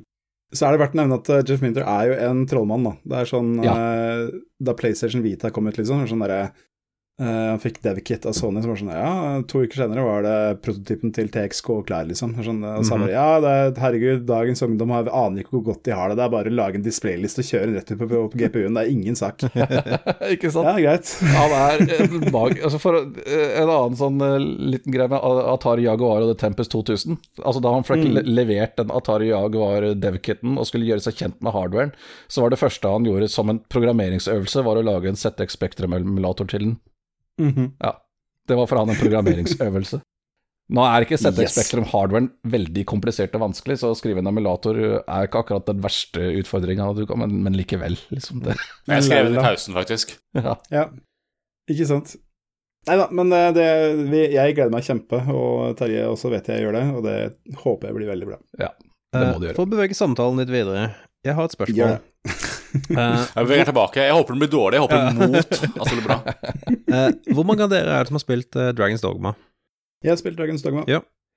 Det er, sånn, det, er type, um, det er typisk, Jeg later som jeg har spilt det. Ja, jeg også. Uh, nei, for det er sånn type spill jeg har veldig sånn inntrykk av at Ok, dette virker veldig up my alley, men jeg har all, bortsett fra å ha spilt uh, sittet i character creatoren og spilt kanskje et par timer hos en kompis, så har jeg liksom ikke spilt noe særlig. Men jeg vet jo at det er en kultklassiker, og det mm. kommer da vel ut i år, gjør det ikke det?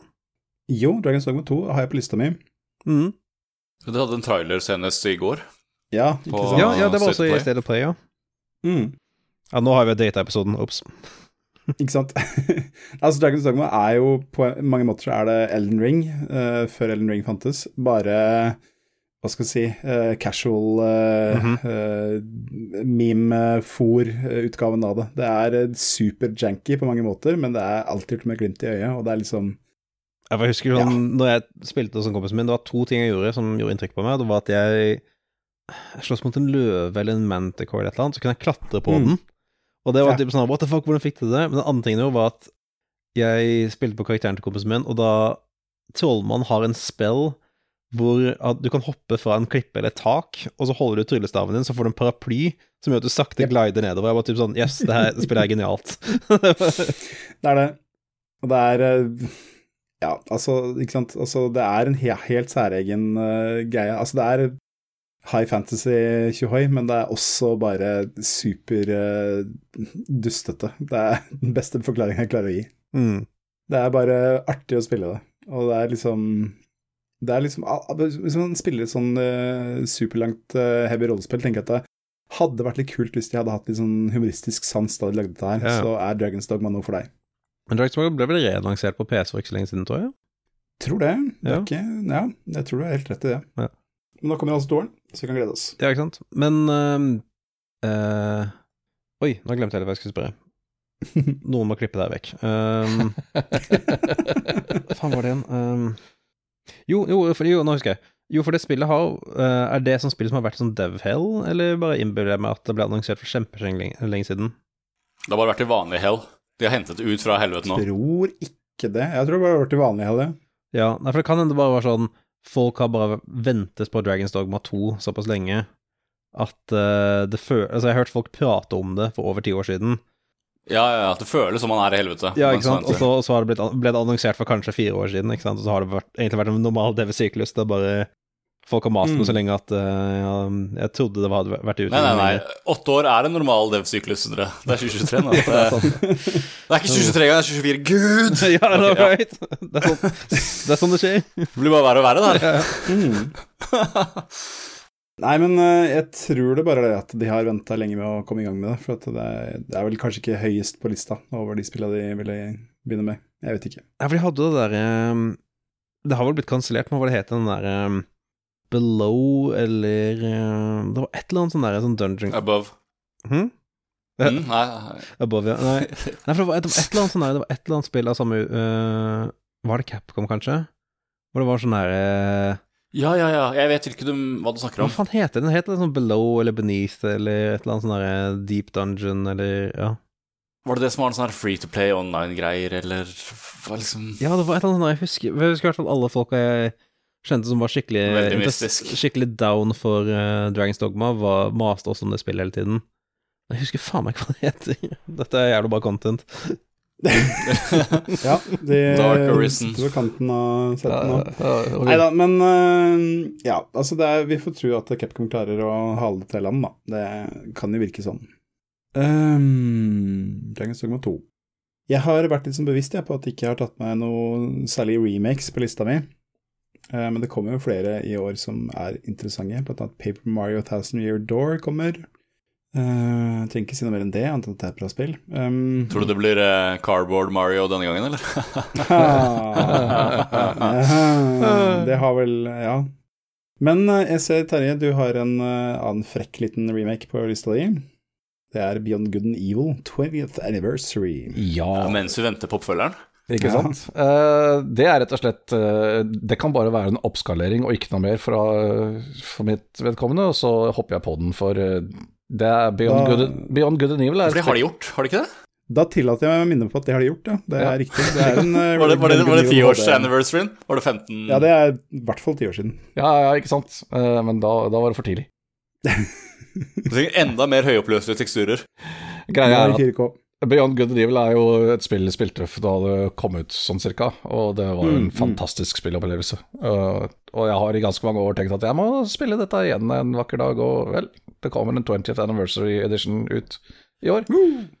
Og det er vel en grunn, god nok grunn som noen til å hoppe på det igjen, Mm, vil jeg mm. tro. For vi Vel, vi hadde vel trodd at vi skulle spilt Beyond Good Evil 2 for uh, i hvert fall ti år siden nå.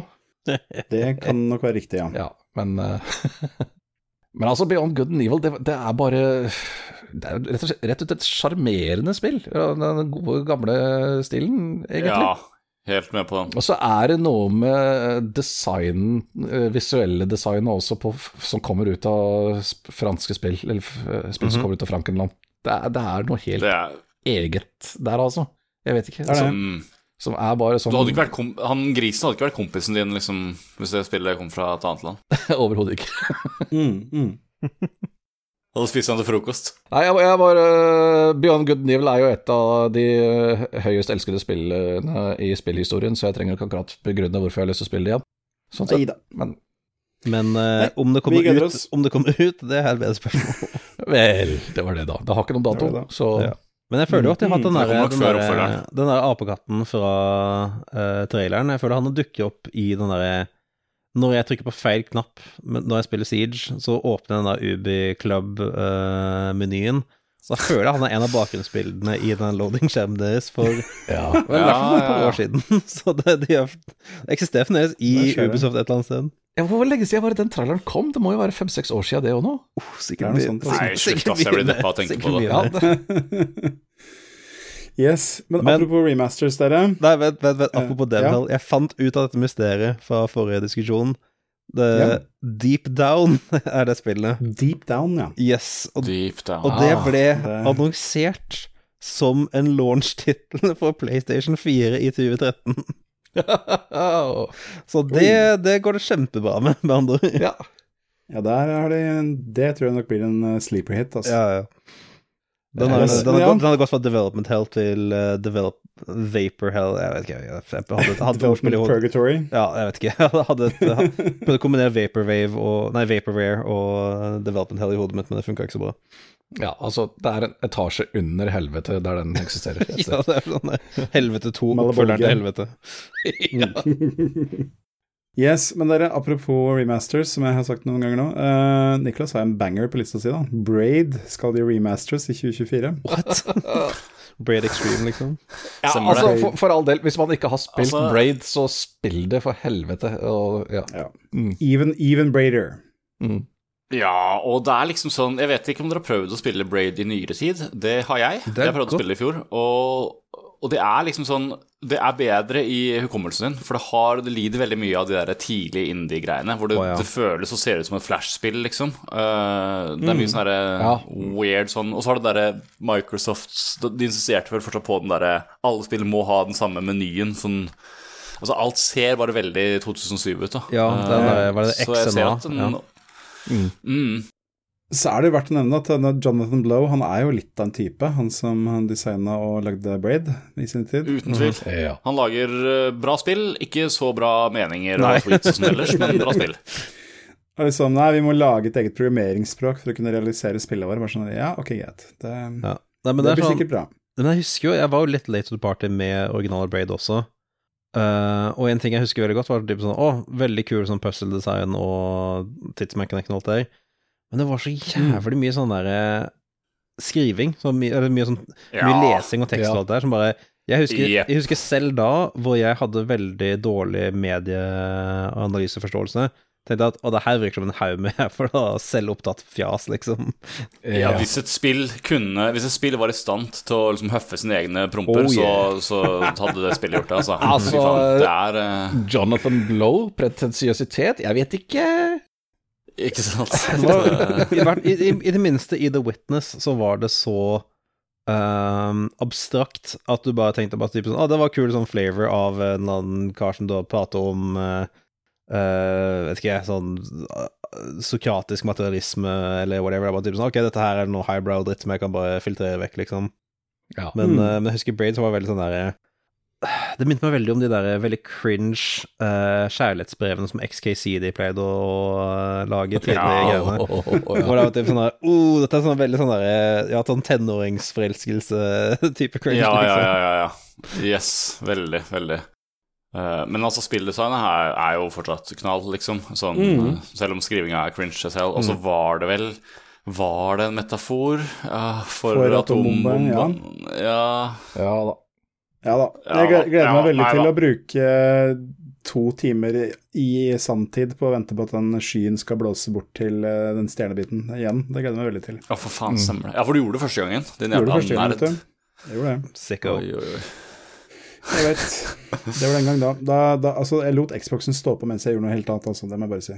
Jeg tror plutselig jeg er avhengig, jeg er avhengig av at jeg har glemt løsningen på alle puzzlesene for at jeg gidder å kjøpe det. Men mm. hvis jeg har det, så kopper jeg. Det, er jo over 15 år siden hun spilte det, så det er vel altså, det er en viss mulighet ja, og jeg røyker mye tjall. Det er liksom det går ikke. Ikke minst. Dette går seg til, vet du. Du sparer kjempemye penger på Yes. videospill, for du bare rykker så mye at du bare glemmer, glemmer alt som. Vi må, må, må prøve å huske, Niklas, at vi klipper ingenting i de episodene. her. Hver, hver uke spiller Siege Cinder på sånn Å, jeg har en ny strat. Ja, ny Mm, strat. Ja, ja. Mm, ja helt nytt, altså. Det er sånn Groundhog Day, liksom. Å, fy. Ja. Ja. Det er jo braid-mekanikken midt i blinken for deg, da. Bare gi det et par år til, så kan du spille Obradin og Arthur Wilds på nytt igjen. Ja, ikke sant? Ja, ja. Yes. Uh, Terje, du har med et annet som jeg t- tror eh, kan gå én av to veier. Som eh, er oppfølgeren til Indiana Jones and The Mediocre Circle. Som da er Yo! Indiana Jones and The Great Circle. Ja, den er Ja. også på lista mi. Takk, Trygve. Takk. Ja. Uh, jeg veit omtrent Jeg veit ingenting annet enn tittelen og den traileren som ble sluppet for en uke eller to siden. ja. Og kvaliteten på sirkelen. Nemlig. Ikke sant? Den er great. Men uh, altså, dette er Machine Games, som har laga Mhm. de Wolfenstein-spillene i nyere, cirka nyere tid, i hvert fall. Mm, mm. Og de er jo ikke De er jo veldig ok, syns jeg, da. Ja, Ja, det er liksom Så- det. det er det. Ja, Veldig ok. Det er jeg enig med deg. Så du har helt rett. Dette Indiana Jones-spillet det kan gå én av to veier. Og det er enten den ene veien eller andre veien, ja. Mm, stemmer. ja, nei, altså, jeg, jeg så traileren, og jeg tenkte bare at ja, stemmen til Indiana er liksom Nei, akkurat ikke der den burde vært, følte jeg da. Ja, men det, det liksom- høres Som- også veldig som autentisk ut. høres veldig autentisk ut til på en måte de skuespillerprestasjonene som Harrison Ford har gitt de siste par årene også, for han bare Han virker veldig klar for bare å gå igjen hele tiden, liksom. Ja, det er sånn Lønna du får er eh, nok til bussbilletten hjem, liksom. Ja. Det er, eh, Men altså, Indiana Jones er jo bare rett og slett en franchise fra barndommen som en har solide nostalgibriller eh, til. Så ja da, det er det- er laga for oss. Er Ja, ikke er. sant. Så liksom det, er Samme som Robocop, som snakka om tidligere og sånt. Og det er bare noe jeg automatisk er interessert i fordi det er Indiana Jones. Og så håper, jeg, håper jeg det er bra.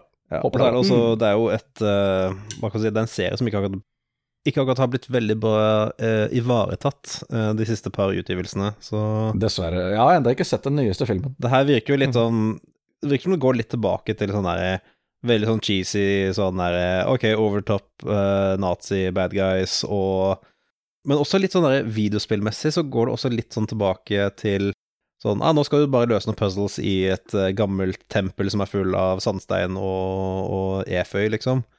Så ja. det har jo sin sjarm, liksom, og jeg vil jo si uh, de Wolfenstein-spillene kjørte også litt den linja der, da, hvor de hadde uh, Altså, gameplayet var egentlig ganske old school, egentlig. Det var litt sånn derre Ok, du har du, du kan dual-builde maskingevær, og mye ja, ja, ja. av gameplay går ut på å plukke opp det objektet, putte der, eller løse disse puzzlesene, og skyte deg ut igjennom en haug med bullet sponge fiender og alt der, og Det var det som var forfriskende da de, da de kom, at de ja. Det, det var uh, gode, gode, gamle FPS-stilen og høy produksjonsverdi. Ja, ikke sant? Ja, som kom ut midt i perioden hvor du drukna i sånne realistiske militærshooters à la Call of Duty og sånn, og alt skulle være det. Og man fikk nesten ikke lov å lage noe annet. Ja, ikke sant. Den var, liksom sånn, den var liksom veldig sånn bevisst sånn basic, egentlig. Um, yep. Og det var ikke noe sånn der, du hadde ikke masse sånn perks og talent trees og uh, sånn slide tackles og grappling hooks og alt det der. Sånn, det var liksom veldig sånn back to the basics, som jeg syns var litt sjarmerende. Men selv med det, altså, det var en del jank i det spillet. Sånn Jeg, sy jeg, altså, jeg syns at uh, på en måte grunn, grunnspilldesignet var solid nok, men jeg syns sånn Ikke level-design engang, men bare sånn hvordan vil jeg kalle det? Sånn, må, måten de liksom satte opp encounters, da, var at de bare perma jævla mye bullet sponge fiender på deg.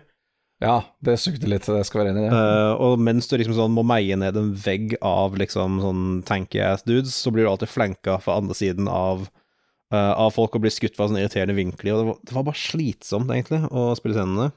Mm. Jeg tenker mm. særlig på den jævla rettssalen i toeren. Det er for meg noe av det jævligste jeg har spilt igjennom. Mm. Uh, en, en, ting jeg kan si som jeg Det er veldig sjelden det skjer med meg, men jeg, akkurat med Wolfenstein-spillet så skjedde det. Det er det at jeg syns liksom tonen er Den er ikke jeg, jeg, klarer ikke helt å catche det de serverer, da. Altså, det er liksom Å oh, ja. Altså, ble du litt called out for rasismen oh, din? Og er du litt nazist? Er det, er det, jeg er litt ukomfortabel med sånn... at du må drepe nazister. Ja, ja, ja. På on? Nei, men altså, altså, altså, Det jeg mener, er at altså, det, det, handler om krigen, ikke sant. Mm. Det er uh, nazister, og det er uh, jævelskap. Og så er det ekstremt drøye sånne scener med liksom med Altså huer som blir skåret av, og øyne som blir dratt ut, og alt mulig. Og så har du sexscener midt inni der, og du har eh, Spill deg voksen nå, baby. Bare bli vant til det. og liksom hun ja. derre komplett psycho-dama i Ja, ja, ja. Schindlers liste, bitch. Det er spillerkunst nå. Ja, ja, ja. Mm. altså, skjønner greia? Altså, det er liksom Det blir Altså, det skal liksom være litt sånn seriøst og litt sånn grounded, og altså, samtidig så skal det være verste B-film-tortur på altså, liksom. Jeg syns jo Altså, jeg, jeg er helt enig med deg, men jeg digget alt det der med det. Altså, det er det jeg syns er sterke delene med de spillene, er at det er så Over the top, liksom? Sånn... Altså, bare sånn tone og historie, historien er bare så Altså, det er veldig sånn Altså, det er veldig sånn Tarantino-aktig. Altså, det er jo veldig opplagt inspirert av uh, Inglorious Bastards i både tone og vold og og karakterer og alt det der. Uh, mm. Og jeg syns, jeg syns, de gjorde en kjempegod jobb på akkurat det der, uh, mens jeg syns liksom selve gameplay-delen var det som var kanskje noe av det svakeste, selv om det var sånn Det, det var ja, altså det var igjen back to basics. Uh, jeg, jeg, likte retningen de tok det men jeg syns ikke de gjennomførte det så bra da, på gameplay-siden. Men det får meg til å tenke at jeg er litt sånn igjen forsiktig spent på hva de gjør med Indiana Jones, fordi det virker som en type historie jeg føler de kan bolte seg i på, på, den, eh, på en god måte. Så jeg tror jeg føler Skyte nazister? Ja, ikke sant. Altså, ja, banke nazister, men også sånn den type Indiana Jones er en sånn type historie hvor det er sånn Sånn, å, nå skal vi til tempel, og så skal vi finne noen gammel sånn astekisk eh, vet ikke, solmedalje og Altså, det er den, den type sånn der cheesy sånn uh, Sånn cheesy sånn 80-talls uh, eventyrhistorie som jeg føler de sånn tonemessig ja, ja. er ganske flinke til å fortelle. Mm. Jeg er, med på, jeg er med, på, med på, hva du putter ned, her. Alt. Altså sånn, ja, ikke sånn hoppe litt rundt fra morsomme set pieces og liksom sånn mm. Ja, mm. jeg er med på den. Ja, litt, litt, litt færre huer som blir kappa av, antageligvis. Da, jeg vet ikke. Altså, ja, vi får se. vi får se det, hadde, de, hadde, de, liksom kjørt Wolfenstein Jeg så aldri de siste Diana Jones-filmene. Ja, ikke sant. Hadde de kjørt liksom konsekvent sånn over the top med full uh, i de spillene, så hadde jeg likt de bedre. Men jeg følte at de skulle ha litt sånn gravitas også, det syns jeg ikke passet i det hele tatt. Det er nok et meg-problem. Ja, nei, men det var noen swings and misses der også. Ja. Sånn, uh... Jeg synes det. Ja, men det er som du sier, hvis det, hvis det skal følge Indiana Jones-stilen fullt ut, så er det nok ikke så veldig mye sånn grounded in reality å spore i det hele tatt. Det har- hører ikke hjemme i de spillene. Så eh, kanskje, håper på kanskje en slags Uncharted bare uten alle de evinnelige klatresekvensene og dårlige skytinga. Mm. altså, det jeg håper på, er jo Uncharted som ikke tar seg selv seriøst. Det er på en måte Ja, er det- på, føler jeg en tone de kan treffe. Det hadde vært noe. Yep. Yes. Uh, jeg vil uh, Jeg kan skrelle gjennom et par som jeg gleder meg litt til, sånn forsiktig. Outcast, New Beginning, så jeg Terje har med også. Ja. Uh, Mm. Kultklassiker, Outcast, nytt spill. Kan bli bra. Er det dem med det Nei, jeg tenker på Outlast, jeg. Fordi, Ja, nei, det er ikke, ja, nei, ikke. Outlast. Outcast er ganske langt tilbake til Det er på 90-tallet nå.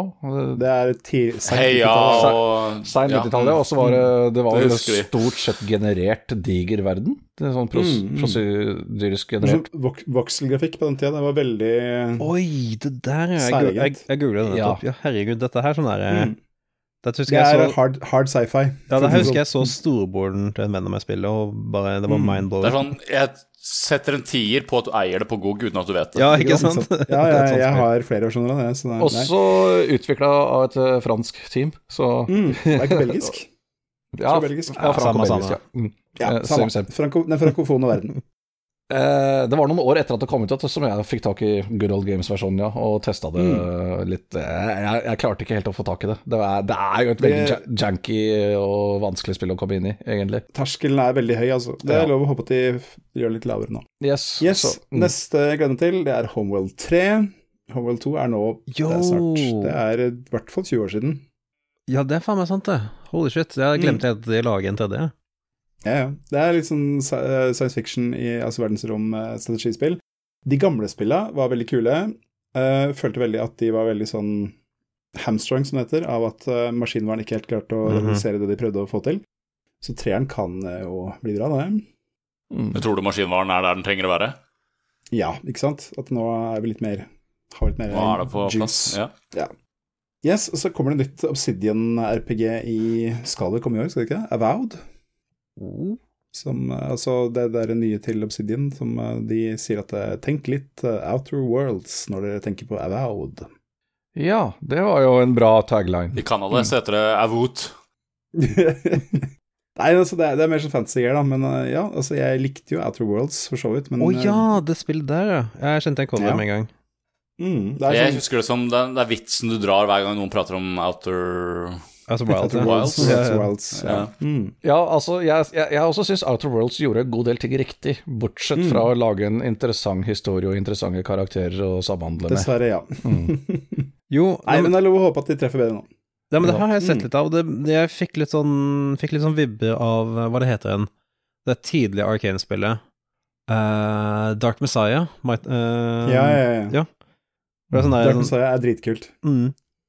Det er, i hvert fall, er, jeg helt ute på banen Ute på, ut og gå ut på, ut, Sånn er helt ute på jordet hvis jeg sier at Hvis jeg sammenligner? Jeg tror ikke du er helt på bærtur, altså. Nei? Uh, Dark Messiah var veldig sånn Altså, det var Dark Messiah var superlineært og veldig sånn actionprega, men uh, jeg tror jeg var jo det mer ikke-lineært. Men eh, Men Det er kanskje bare, kanskje bare fordi jeg ser folk dual wield the spells, uh, at jeg tenker på Mm. sånn Å, Dark Messiah, ja, ja. Men uh, Ja, ikke sant. forsiktig optimist på Avowed, i hvert fall. da. Det Mm. blir jo satsa på. Yes, og så er det et par småspill som jeg tror kan bli bra. Et som heter Skald Against the, the Black Priory, som er sånn super retro eh, party-based eh, rollespill. Veldig sånn eh, DOS-stil. Ja. Det blir i hvert fall spennende å se hvordan det, de får til det. Hvis det er sånn ordentlig retro-tjoi, så tror jeg det blir bra. Hm. Og så selvfølgelig det store Nintendo-spillet som kommer i 2024. Vi går fra Zelda Tears of the Kingdom, eh, Blockbuster solgte millioner, til Princess Peach Showtime. Å ja. Det er for fansen, vet du. Det er Kommer til å knuse alle Ekte heads. rekorder. Jeg sikker Ja, det. Mm. det er ekte Ja, ja, ja. som spiller Princess Peach. Det er faktisk, så er det ikke det første Princess Peach-spillet.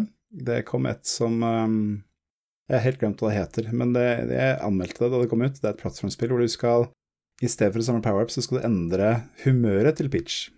Ja. Sånn at du kan bli sint eller lei seg eller forskjellige ting. da. Og det funka ganske Oi bra. sann. Så Ja, er eh, Jo, jeg tror jeg husker det.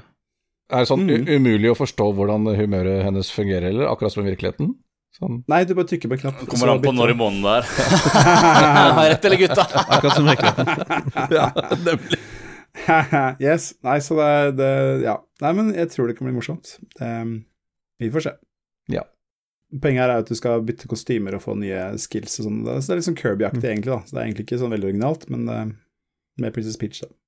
Ja. Hun er jo Nei, kul. men altså Sisters doing it for themselves. Mm. Jeg vil uh, slenge ut en liten uh, uh, tanke til eh, et spill som heter Earthblade, Ja. som jeg eh, ikke vet en dritt om. Uh, eneste jeg vet, er at det er utvikleren som lagde Celeste. Ja, ikke Oi, sant. Så det er jo i seg selv ganske interessant. Da vil jeg bare nevne i forbifarten at eh, Celeste 64 kom ut eh, for noen dager siden. Det er sant, det. Det er det. Det må jeg teste. Det må vi teste. for det, Det må ja. vi faktisk teste. Det står virkelig at de lagde det på en uke, men det er fortsatt Celeste Ja. i en Nintendo 64-versjon, så det kan jo ikke være dårlig. Ikke sant? Men uh, dere som er mye mer uh, Hva skal jeg si Gravd mye dypere i Celeste enn meg, jeg har, uh, som har spilt de første sånn fem brettene eller noe. Eh, Mm. Ja, ja vi, er tra vi er trans nå. Ja, ja, ikke sant. Men alle, alle har tatt øst- østrogeninjeksjonene sine før podkasten opp, ja. Men Nei, sånn Er det noe buzz rundt Earthblade i det hele tatt? Jeg bare hørte om det uh, in passing. Jeg hørte om det nå, fra deg. Ja, Ja. fra deg. Må, Ja. Ja, det er derfor jeg tenker sånn, typ, sånn jeg, jeg, jeg bare hørte om det, og typ sånn Å, det høres interessant ut. Uh, men jeg håpet at, uh, at noen visste mer om det enn jeg, som bare hørte tittelen og utvikleren. Det kommer garantert mer om det. altså Meredith Thorson er jo en av OG indie-folka, så det må jo komme noe mer når det nærmer seg. Men av um, andre, andre spill av indieutvikleren som vi alle uh, er keen på, er jo at Hades 2 skal komme ut i år. Mm. Ja. Vi nevnte det med Early Access litt eh, i stad, ja. Mm. ja, for det hadde den på lista di i fjor òg. ja. Men er, det, men er det Early Access hadde som skal komme ut eller er det, skal det komme ut ut, liksom? da jeg kikka på lista på Eurogamer, så sto det Hades 2 Early Access. Ja, ok, så ja. det er det som er annonsert, tror jeg. Ja, det var kanskje det jeg fikk med meg. Ja, ja. Mm. Mm. Hey, these nuts. Heyo! Heyo. Jo, jeg ser på Earthblade-traileren her. Dette ser jo ut som uh, Dette ser ut som, som mat for monster her. her. Mer snop for gutta. Det er jo mer Celeste for oss Celeste-pilla gamers, basically. Celeste-pilla gamers. Ja. Celeste gamers, det er oss. Ja, ja, ja. Nei, altså, om det er noen som har hype Nå er det i hvert fall én til. Jeg er Ja, klar. Ja. Ja, det blir spennende å se. Eh, altså, det, som sagt, det er Medit Meredith Det er ikke gode sjanser for at det blir dårlig. Det er det ikke. Mhm. Ja. Eh, Terje, du har også et par andre slengere på, ser jeg her. Ja, jeg, jeg kom over eh, et uh, indiespill som heter eh, Grønland. Ja. Jeg stava med ø og gode greier. Jeg, jeg, jeg er usikker på om de faktisk er nordiske utviklere. Eh, dette heter Beachsoft. Det er sånn der eh, Ja, for det kan, gå to, det kan, gå to, kan også gå to veier. Ja, Enten så er det nordiske, eller så noen bruker det utelukkende av estetiske årsaker og ikke aner hvordan det uttales. Nemlig. Og så har de strender på Grønland i det hele tatt. Det var det. Eh, jeg tror det, men jeg tror ikke de ser ut som strender vi kanskje Jeg tror ikke det er sandstrender, men eh, strender. Uansett, det er, det er 8-bits-estetikk, sånn eh, sett ovenfra sånn gammeldags Final Fantasy-opplegg. Mest en vandresim, egentlig, egentlig, tror jeg. Det er at det, det er uh, Handlinga er satt på slutten av 1800-tallet, og du skal bare utforske rundt omkring arktiske strøk for å få finne ut av et eller annet mysterie. Det Mm. det, det er ikke veldig, veldig mye som er annonsert rundt det, bare sånn kort trailer som ikke sier så mye, egentlig. Mm. Men jeg likte estetikken. Det var iøynefallende at det var en Ø i en spill- spilltittel. Så Mhm. Jeg kan røpe at eh, på Twitter så sier eh, Beachsoft, de som laga spillet, at de er fra De holder til i New York City, så Ja. kanskje ikke helt autentisk. ikke så veldig, nei. Men uh... Stolen Valor. Men det her ser jo ut som sånn fucking Jeg sitter og ser på traileren her, minner meg veldig om sånn Sånn tidlig indiespill, liksom før man fikk spillmotorer sånn som Unity og GameMaker og sånt. Hvor folk Ja. mm. måtte holde seg til det gode gamle RPG Maker. Sånn eh, Shots fired. Ja. mm. Nei, men det, nei, men det er sånn det, det er jo en skjerm, eh, skjerm i det. Det er sånn top down Ja, ja, det- ja, ja, ja. RPG Ser- JRPG-typisk definitivt ut som et uh, RPG Maker-spill, ja. Mm. Mm.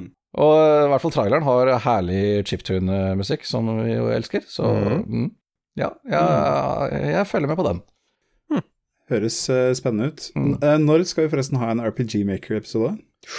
Uh. Ja, si det. Vi, vi, vi tar, tar, tar løpet av sommeren eller noe.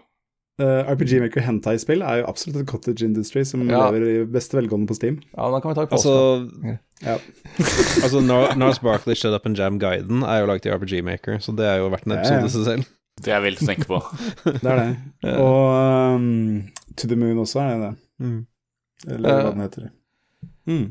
En annen jeg er interessert i, er det kommer en oppfølger til uh, The Wolf Among Us i år. Ja. The Wolf Among Us ja. 2.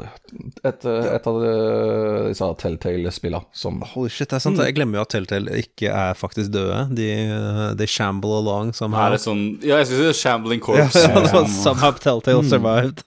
det er sånn. Utrolig. Så det er spillserien som er basert på den tegneserien Fables, eller. Fabler, mm. som den har kommet ut på norsk. Som, vi er nå på en Weekend at Bernies-type situasjon. Ja. Hvor liksom man ja. har like av ja. Stemmer. Stemmer. Mm. Nei, men altså, jeg likte den første sesongen av Wolf of Magnus, så jeg vil gjerne se Wolf of Magnus 2 også. Ja, jeg husker jo Wolf of Magnus som uh, noe av de bedre greiene Telltale produserte, før de ja, det var det. spiste spiser seg selv som Ouroboros. Fikk uh, gode stussmål, og uh, i hvert fall den første sesongen da, var jo satt til et par år før handlinga i tegneserien begynner. Så mm. Mm. Det er også et nice move, da. Ja, for eh, liksom tegneserien er en eneste lang pågående historie, og jæsklig mange av karakterene dør underveis, så det er litt, så litt vanskelig. Og, ja, i hvert fall spill, hvor folk ikke er vant til det. Nei, men å, å, sette en historie i det universet etter tegneseriehandlingen er ferdig, blir litt vanskelig. Fordi jeg ja, ja. skjønner de av oss som har lest den. Så Jeppers. Så, eh, så, så, har jeg noen slengere da, som jeg bare er nysgjerrig på, som jeg ikke vet en dritt om. Og det er at det, det kommer en reimagining av uh, Alone in the Dark. Ja, ja. den uh, eh, syns jeg så litt, litt, spennende ut. Det er jo, Der har det gått veldig sånn at det skal være en um, Der er det performance capture. Det er han Jeg glemte han heter, han skuespilleren fra Stranger Things, altså yes. sheriffen. David Harbour.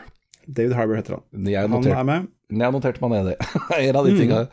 Uh, Han harbour noen ferdigheter. Ja, ikke sant. Det er en utvikler som heter Pieces Interactive, som ikke jeg vet en dritt om. Og, mm, ja, altså, det...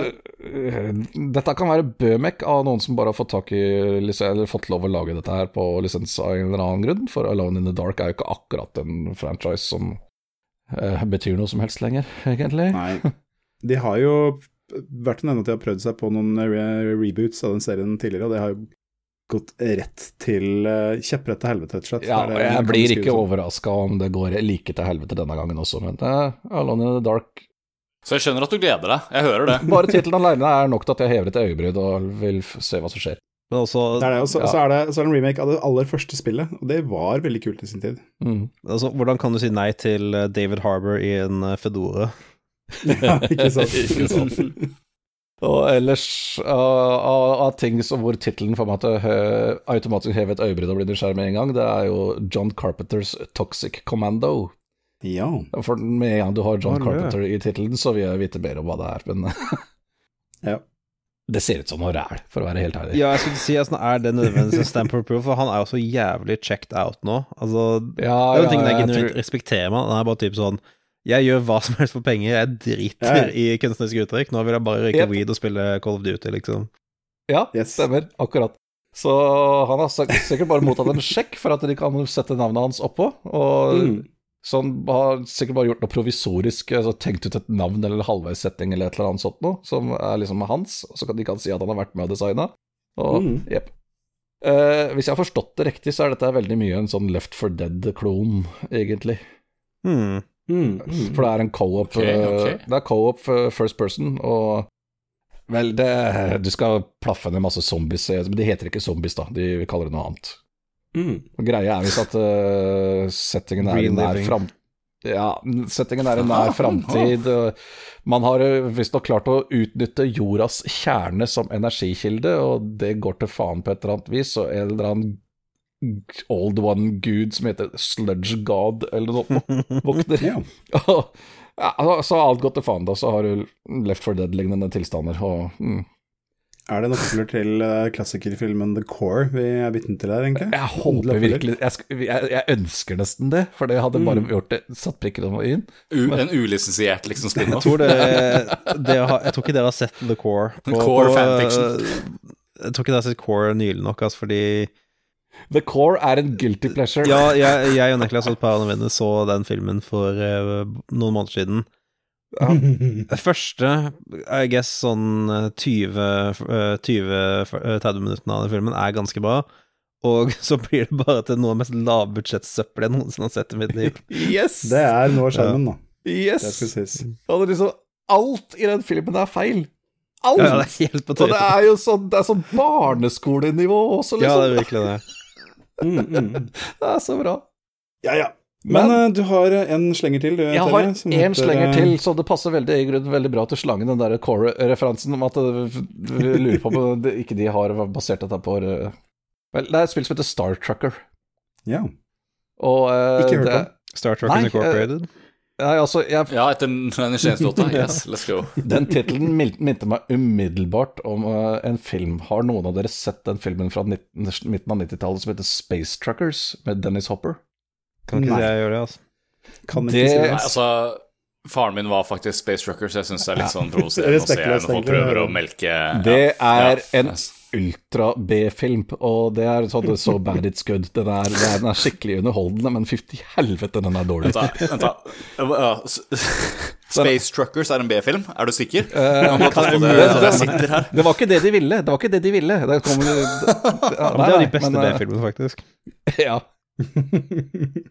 Men uansett, eh, ja, det, da jeg så traileren på, til Star Trek, så viser det ja, den er åpenbart helt sinnssykt inspirert av den filmen. For uh, disse Det er basically Eurotruck Sim i verdensrommet. Au da. Det er det. det her ser jo ganske comfy ut, egentlig. Titt på traileren nå. Mm, mm.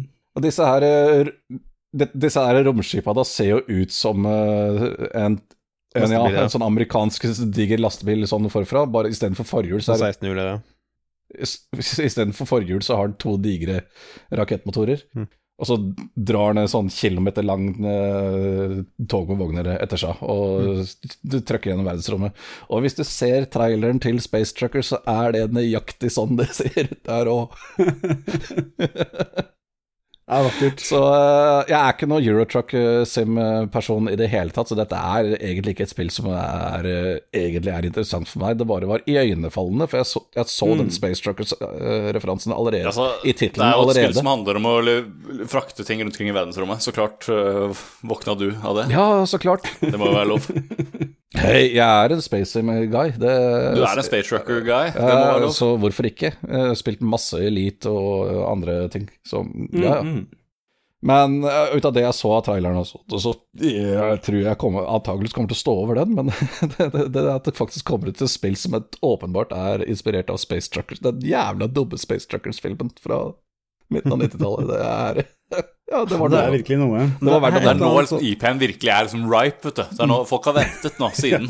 altså det, det er det virkelig oh. Dennis Hopper må virkelig ha trengt penger på den tida der, for dette er bare noen år etter at Super Mario Bros.-filmen kom ut også. Uh, yep. Ikke sant? Så uh, Ja, ja. Og den vet vi solgte som hakka hvetebrød, holdt jeg på å si. Yes. Nei, men um jeg, øh, jeg, har spart et par eh, på min liste til slutt. Det er fordi jeg gleder meg eh, veldig til de, og det er litt sånn øh, Jeg håper det blir et par perler da, i 2024. Å oh ja, du har spart det til slutt, for du tror at da kommer vi ikke til å gjøre narr av dem, liksom? Ja, selvfølgelig. Det er det. Nå er dere lei. Det er jokes on you. Jeg har økende promille. det er bra. Nei, men det første er ganske enkelt Mina the Hollower, som er det neste spillet til Yacht Club Games. Oh, ja. Som da var de som lagde oh, Shovel Knight. Yeah. Oh. Shovel Knight er uten uh, diskusjon, egentlig, så er det et av de aller, aller beste indiespillene som noensinne er laga. Ja, det er helt konge. Det um, uh, Det er liksom de tenkte at uh, ja, hva var det som var fett ved gamle NES-plattformspill? Ingenting. Den dårlige grafikken. Nei, sorry. Sorry. Nå bare, så, ja, nå bare gjør jeg sånn som jeg gjør eh, på dagjobben min, bare vente litt til eh, de som, skal, de som kødder, bare gir seg. Nei, men uh, altså, det, det, var, det var liksom Ducktales var fett, Megaman var fett, um, uh, Ninja Guiden var fett, så hvorfor ikke bare lage et spill hvor vi kombinerer alt sammen til en herlig blanding, og det er Shovel Night, og det er konge. Mm. Og of the Hollower det er uh, noe så originalt som en Zelda-klone, kopi, kan man si. Men uh, greia er det at det er en sånn gotisk eh, tegneserieverden med antropomorfiske dyr. Mina er en liten mus som kan grave i bakken. Og istedenfor at de har eh, gått for den standard med at du bruker sverd og slåss og sånn, så har du eh, Det er basert rundt at hun er en hollower, altså hun kan grave seg ned i bakken og dukke opp bak fiender under de og sånn nå. Eh, så det er umiddelbart Zelda-klone, men med helt eh, nytt moveset og veldig sånn originalt opplegg. Og stilen uh, I stedet for å kjøre NES-stilen, så har jeg gått på Gameboy Color, skråstrek Wonderswan Color-stilen. Uh, og så er det Men er, eh, ja? er, hun, er Mina hun musen heter? Ja, det stemmer. Er hun fin, liksom? Selvfølgelig. Hvorfor tror du ellers jeg er interessert i det? Nei, men uh, nice. Det, er, det er en tegneseriemus. Noen liker det. Eh, det er noen som liker hun der fra Rescue Rangers, liksom, så, så garantert. Mer enn liker. Eh, I hvert fall. Um, en annen ting som Martin nevner, er at det er Jake Kaufman som lager musikken. Uh, det er mm. borger så sjukt for kvalitet. Han er helt uh, genial. Uh, han lagde all musikken til Show of Night også. nå er det ikke NES Gameboy Chiptunes. Det er Hva var det det var igjen? Jeg husker ikke, men det er en eller annen sånn litt mer avansert konsoll, uh, chiptune-musikk, som uh, jeg ikke har hørt noe særlig fra før, og det tror jeg blir spennende. Hmm. Og det siste, som jeg virkelig håper og ber og krysser fingre og tær for at det skal bli bra, det er Hyperlight Breaker. Det er Skull Bones igjen, baby! Au! Skull Bones! Nei, men uh, Hyperlight Breaker, um, som da er det nye spillet til Heart Machine, som um, lagde Hyperlight Drifter for mange wow. år siden. Og de lagde um, Det henger på grep, faktisk. Når jeg hører titlene, så skjønner jeg jo at det er de samme folka. Biten begynner, liksom. begynner, å falle på plass. det er det. Ja, ja. Det er bare fordi jeg har spilt så mye Over din og Golden Idol at jeg klarer å se det, men Ja, ikke sant. Det er, det, er, det, er, det er, ikke alle som klarer det, altså. Og så er det, De lagde også et spill som het Solar Ash, som kom for noen år siden. Å oh, ja, sant det. Um, det gikk som, vel ikke så bra, tror jeg. Jeg tror kanskje ikke det, men jeg likte det kjempegodt. Ja. Det er altså det er litt sånn hva skal vi si det er? da? Det er litt sånn fantasy Det er litt sånn highly stylized action adventure unlike no other. Uh, will Ray persevere and make her way through the deadly encounters of this ravenous void in order to Ja, et eller annet. Ja. ja. Vel sagt. Vel sagt. Nei, så uh, Soul Rash, altså der spiller du inline-skøyter gjennom uh, en sånn drømmemarerittverden uh, for å ta bosser. Og i spillet. Og i spillet. Det er veldig kult. Eh, jeg var en av veldig få som likte det, men eh, jeg syns det er kjempebra. Og altså, Hyperlight Drifter er et av mine favorittspill noensinne. Eh, det er selvfølgelig også Zelda-klone, men med noe attåt. Og så har det en helt uforliggelig stemning. musikk laga av Disaster Piece, som mm -hmm. lager musikken til Fez, og musikken til It Follows. It Follows? Ja, ja, ja. ja, ja. ja. så det, jeg, jeg, vet ikke om han er med å lage musikken i det spillet her, men jeg håper jo det. Er, altså jeg mm. har uh, Hyperlet Drifter-soundtracket på LP, sånn deluxe edition, som kosta godt over 1000 kroner, og jeg tok to år å få, men uh, vel verdt det. Ja. Så ja, altså det er litt sånn personlig, men jeg håper jo at det blir kjempebra. Jeg har nesten ikke sett på det eller lest om det, for at jeg vil bare vente til det kommer og så bare oppleve at det er kjempebra. Mm. Så jeg ikke håper sant? det blir veldig, veldig bra. Mm. Mm. Vet du hva, her håper, jeg, her håper jeg faktisk med deg, Trygve, ikke mot. Her håper jeg med. Ja, det var rørende appell. Ja.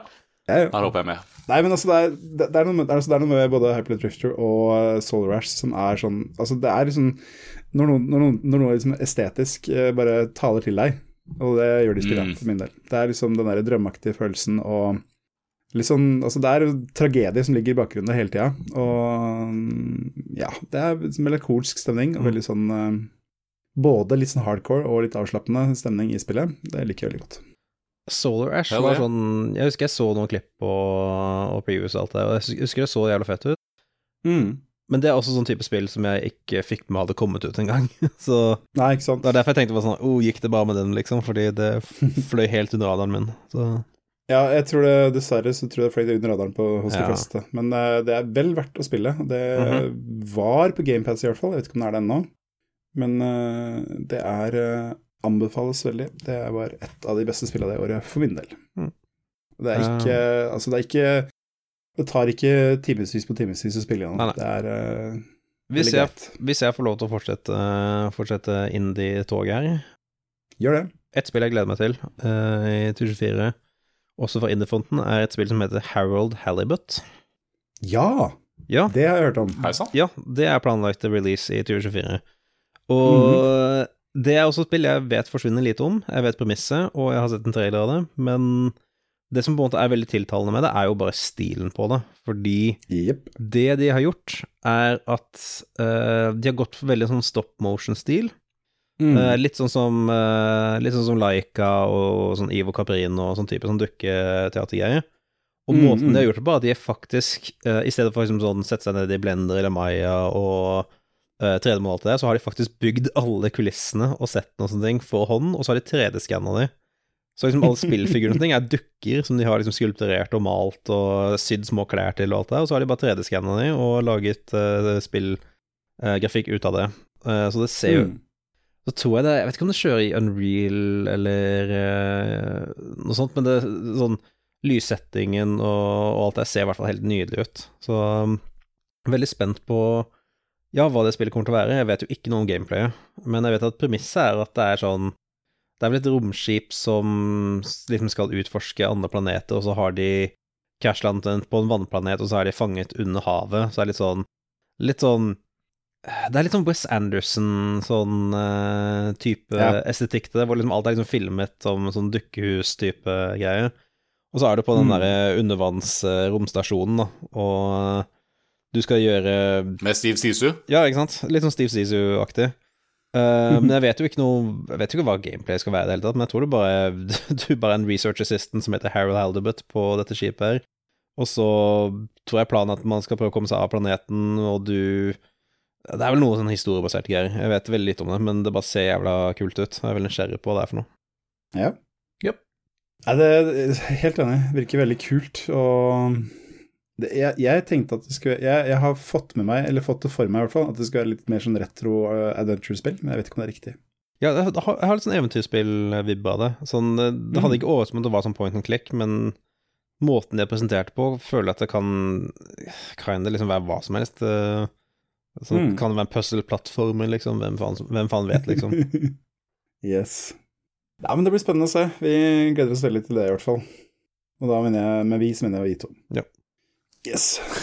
Uh, har vi eh, rett og slett gått gjennom lista nå, eller er det noen som føler at de brenner inne med noe de gjerne skulle sagt ifra om? Jeg vet, Nicholas, du Kan jeg bare Skull Bones bare ja, siste gang? jeg, skulle si at du, jeg vet at du klør etter å få sagt mer om Skull Bones, men uh... Jeg bare Åh, tenk hvordan jeg lurer på hvordan det føles å jobbe med altså, det, er, det, blir jo nesten sånn deprimerende å tenke på. Men sånn, tror du det er, hvor mange tror du det er som har jobba på Skull and Bones liksom, så lenge det har vært i utvikling? Tror du det er noen som sitter der som har jobba der i åtte år og bare Å, fy faen, gutta. Nå, nå, nå her kommer den, her kommer den. Det er, mer, det er mer enn åtte år, det er over ti, er det ikke? Ja, det er lenge herregud. Det, ja, for det er jo Ja, for det er sånn Det, det som er gøy å se på sånn uh, uh, credits, uh, særlig til videospill, er jo sånn production babies. Sånn hvor mange er det som har hatt, uh, hatt unge liksom, etter produksjonen? oh, ja, ja, ja, ja. Ikke bare kjæledyr som har dødd. Ja, ja, det, er også, ja, det sånn der, ja. Ja. Det var sånn Production Babies, og så ser du det navnet igjen under uh, lead animator, liksom. Mm -hmm. ja. ja, ja, som ble, ble ansatt 18 år etterpå. og så er det jo liksom Ubisoft også, så du vet jo den lista er sånn milliardnavn lang. Å oh, ja, ja. Alle satellittstudioene over hele verden, liksom. Yes, yes, yes. Multikulturell uh, gjeng med utviklere. Diverse beliefs ja, and uh, cultures. ja, ja.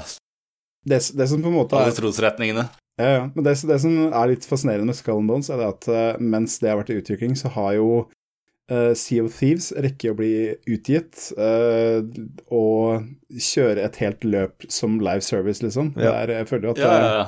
De har gitt dem så mye ammo. De må ha så mange gode ideer. Og...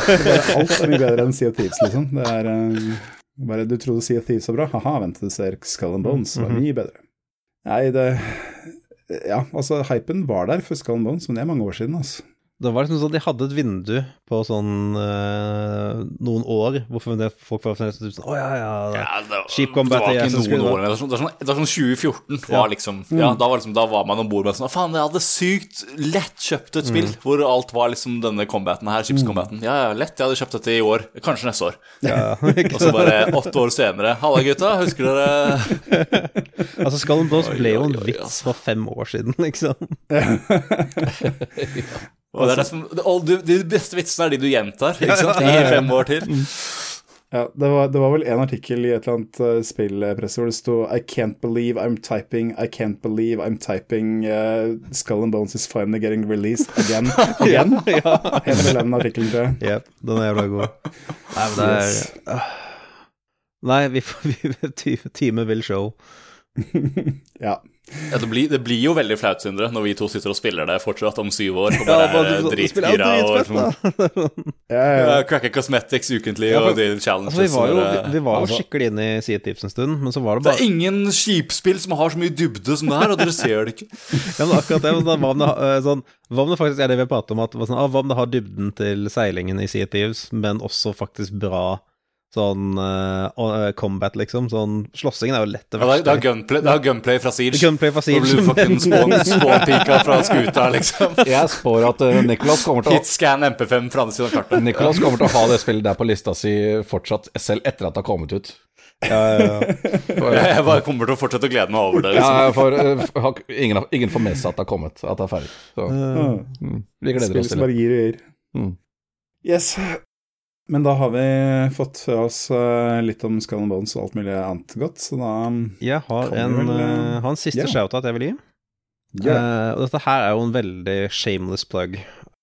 For dette her er et spill uh, som er utviklet av Er det av eh, produsert i Norge?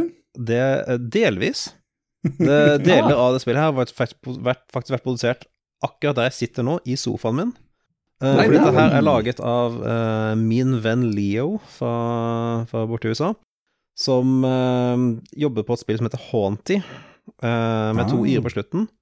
Uh, og det er et uh, Det er rett og slett bare et lite sånn Hva kan man si uh, Det er en sånn action 2D, top down 2D-actionspill. eh, litt sånn semisometrisk stil.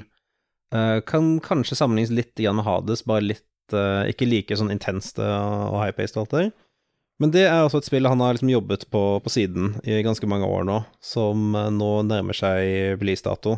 Og det Ja, det er, det er rett og slett bare sånn Det er et sånt prosjekt han bare har tatt seg god tid med og kunnet jobbe på på siden av eh, dayjobben sin. Og han, som sagt, han var, inn, han var innom her over sommeren i fjor og casha på sofaen min, og så deler av spillet har faktisk vært utviklet i, i mitt hjem. Men jeg må altså gi eh, Leo og uh, spille Haunty, altså Haunt, Haunt, Haunt altså to i-er på slutten, uh, Mm. en liten shout-out, fordi det skal komme ut i år, og forhåpentligvis så uh, gjør det det bra, fordi han har faen meg putta jævlig mye tid i det. Så Det ser jo sykt bra ut, da. Det gjorde det veldig. Jeg bare kikka dit nå. han er dritdyktig. Så Mm. programmerer og kunstner, så han har håndtegna all grafikken og Mm. Eh, ja. Nei, men det, altså det, det, ser, det, altså det er umiddelbart tiltalende å se bilder av det. Og nå føler jeg det at vi er litt som kingmakers her. At vi bare nevner eh, den nye indie-smaken Aunty før det blir på alles lepper. Oh, yes. det, at det, det slår an. Ja, ja. Ja, men det, det skal definitivt sjekkes ut. Haunty og Skull and Bones. Skull and Bones, Skull and ja. Bones, baby! Skull and Bones! Games of 2040, baby, let's go! Ja. Jeg, jeg klarer ikke å styre meg, så jeg er så Jeg gira. gleder meg til, gleder til, uh, gleder til å spille Skull and Bones, og så er det en egen knapp du trykker på, og så sier den bare 'Skull and Bones, brother'. Ja, det burde du faen meg Det er det eneste andre spillet utvikleren har spilt de siste ti årene, er Deep Rock Galactic. ja. De har ikke de har ikke hørt om De har ikke hørt om Sea Thieves engang. Vet du hva, hvis det var så vel, så hadde jeg Det, det hadde fylt meg med da, altså, da, hadde jeg, da hadde jeg tenkt at dette ble bra. Ja, ja. Da, oi, oi, oi.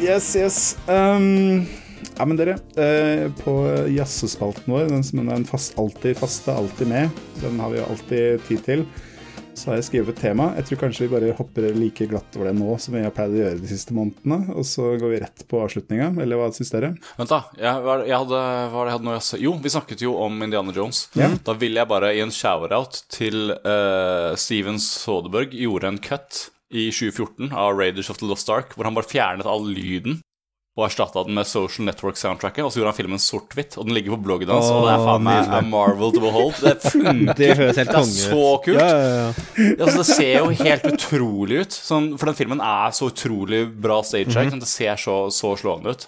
Alt er bare stilige, tydelige silhuetter, og ja, det er lekkert, altså. Jeg husker de- ass, så det er bare Ja, anbefales. Jeg husker de gjorde det med Madmax også. Det var også helt konge, den der sort og hvit eh, Mm. cutten.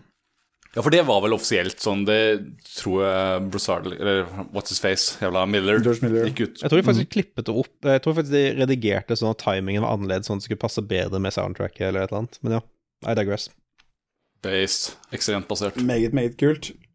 Sånne ting er artig, også, men gidder jeg se på det noen gang? Det spørs litt. Ja. Vi får se. Altså, jeg ser på, jeg ser på mye til Social Network-soundtracket, altså. Det- Det, det, det er sparker så mye ræv. Eh, Det, det kommer alltid tilbake til uh, i Dovregubbens hall derfra, så det Altså, det, det gjør det. En, Åh, en, må, det er glitch i lyden, og ja, en må alltid respektere den formen for ekstremnerding, selv om det kanskje ikke akkurat passer i din sko. Nei da, det er, eh, det er et veldig godt poeng. Yep. Og så vil jeg, i samme, i samme veien, vil jeg også anbefale Dark Side of the Blart, hvor det var noen som tok og scora hele Paul Blart, Call, eh, Paul Blart Mallcap 2 til uh, Pink Floyd sin Dark Side of the Moon. Ah, Mallcop 2, faktisk. Ja. ja, hvis ikke det er en klassiker, så vet ikke jeg hva som er en klassiker. Ikke, altså, jeg ville aldri sett noen Altså, det verste, det verste, bare... er, verste er at altså den, klass, altså den klassiske er jo at man skal synke det opp med Wizard of Oz. mm. Men uh, det verste er jo at Paul Blart Mallcap 2 faktisk funker jævla bra. og den treffer liksom sånn Ja, så timingen funker sånn plagsomt bra med Moon. eh, klassikeren der er jo, eh, når du nevner Pink Floyd, er jo den derre Echoes eh, av Pink Floyd, som er en over 20 minutter lange episke sang, som matcher ganske perfekt opp mot det siste kapittelet av 2001. Ja, det er riktig. Stanley Mm. Kubrick-filmen. Mm. Altså, dette var jo, en, dette var jo på en måte riff på de to, ja, Wizard of Oz og den uh, 2000 Odyssey. Hvor bare typ sånn Hva om vi bare tar den, en av de dårligste filmene noensinne laget, og gjør det samme, gjør samme handlingen? Ja, ja, hvorfor ikke? Nydelig, nydelig. Uh, sånn Kevin James-relatert, så kan du nevne at eh, det jeg eh, måtte operere Er det Kevin James-spalten allerede? Spalten også. Så i hvert fall, jeg, lå, jeg var operert, nyoperert, lå på syke- sykerommet og uh, kjente morfinen bølge gjennom kroppen. Den eneste, filmen, den eneste tingen som var å se på TV, som jeg hærte å se på da, det var uh, I Now Pronounce You Chuck and Larry. Å nei! Jeg unner, unner ikke min verste fiende å se den filmen. Det er uh, virkelig noe av det jævligste. Var det sånn at de hadde liksom lagt fjernkontrollen akkurat for langt unna sengen til at du kunne skru av også, så du måtte se hele skiten, liksom? Ja, det hadde vært Ja, det, altså, det, var, altså, det var liksom Jeg hadde, hadde sovet i to dager og var liksom eh, klarte ikke å sove mer. Og kunne ikke røre meg, for det var for vondt. Så det var liksom bare å se på Now og Chuck and Larry, da, som var eh, alternativet. Ja, ja. Det har jeg altså gått gjennom i mitt liv. Yes. Det var det. Da har vi hoppa over jazzespalten. Ja, vi, jeg tror, Når jeg ser hva jeg skriver, så tror jeg vi bare hopper over det. det er, eh, den, den debatten ble Vi ligger nå på en eh, solide to timer med, med opptak, så kanskje på tide å Ja, eh, vi spare Bra på jobba, hvor alle stakkars eh, redigerer eh, et par sene kvelder. tror, tror vi kan sveive ned nå. Det, det er greit. Yes. Nei, men dere, da nevner vi e-posten igjen. Som vi nå fikk med oss i stad, så er det en eh, sikker vei til eh, ære og berømmelse. Nå- Jeg klarer ikke å Høyst aktivt sjekkes jevnlig. Ja, jeg ender ikke over den, den haien jeg fikk av å lese den e-posten i stad, så det er eh, eh, st- et stort øyeblikk i alle våre liv. Det, det, er ikke, det høres sarkastisk ut, det er ikke det. Det er veldig koselig å få mail. Jepp. Uh, jeg må shoute out uh, spillhistorie.no siden jeg får lov å lage en liten artikkel om episoden der hver gang. Ja, Mm. Så jepp, takk for det. sjekk ut spillhistorie.no. Spillhistorie.no er en kanonside hvis, mm -hmm. Hvis du er interessert i noe spillhistorie. Hvis du, og hvis du er gammel, så er det en bra side. Eh, ja, det hjelper. Det hjelper veldig. Mm. Lov, lov å være resse på særlig som å si det. Mm. Yes, nei, men Har dere tilbakemelding, send det til hetsalfakrøllspillegal.no. Og her ifra vårt uh, nydøpte studio Brumunddalspuben så sier vi nå tusen takk for følget. Takk for at dere gadd å høre på. Tusen takk til våre kjære paneldeltakere, som alltid. Er alltid veldig hyggelig å prate med dere. Ja, takk det samme. Ja, det er bra. Pleasure was mine. Da sier vi bare ha det bra. Ha det. Hei da.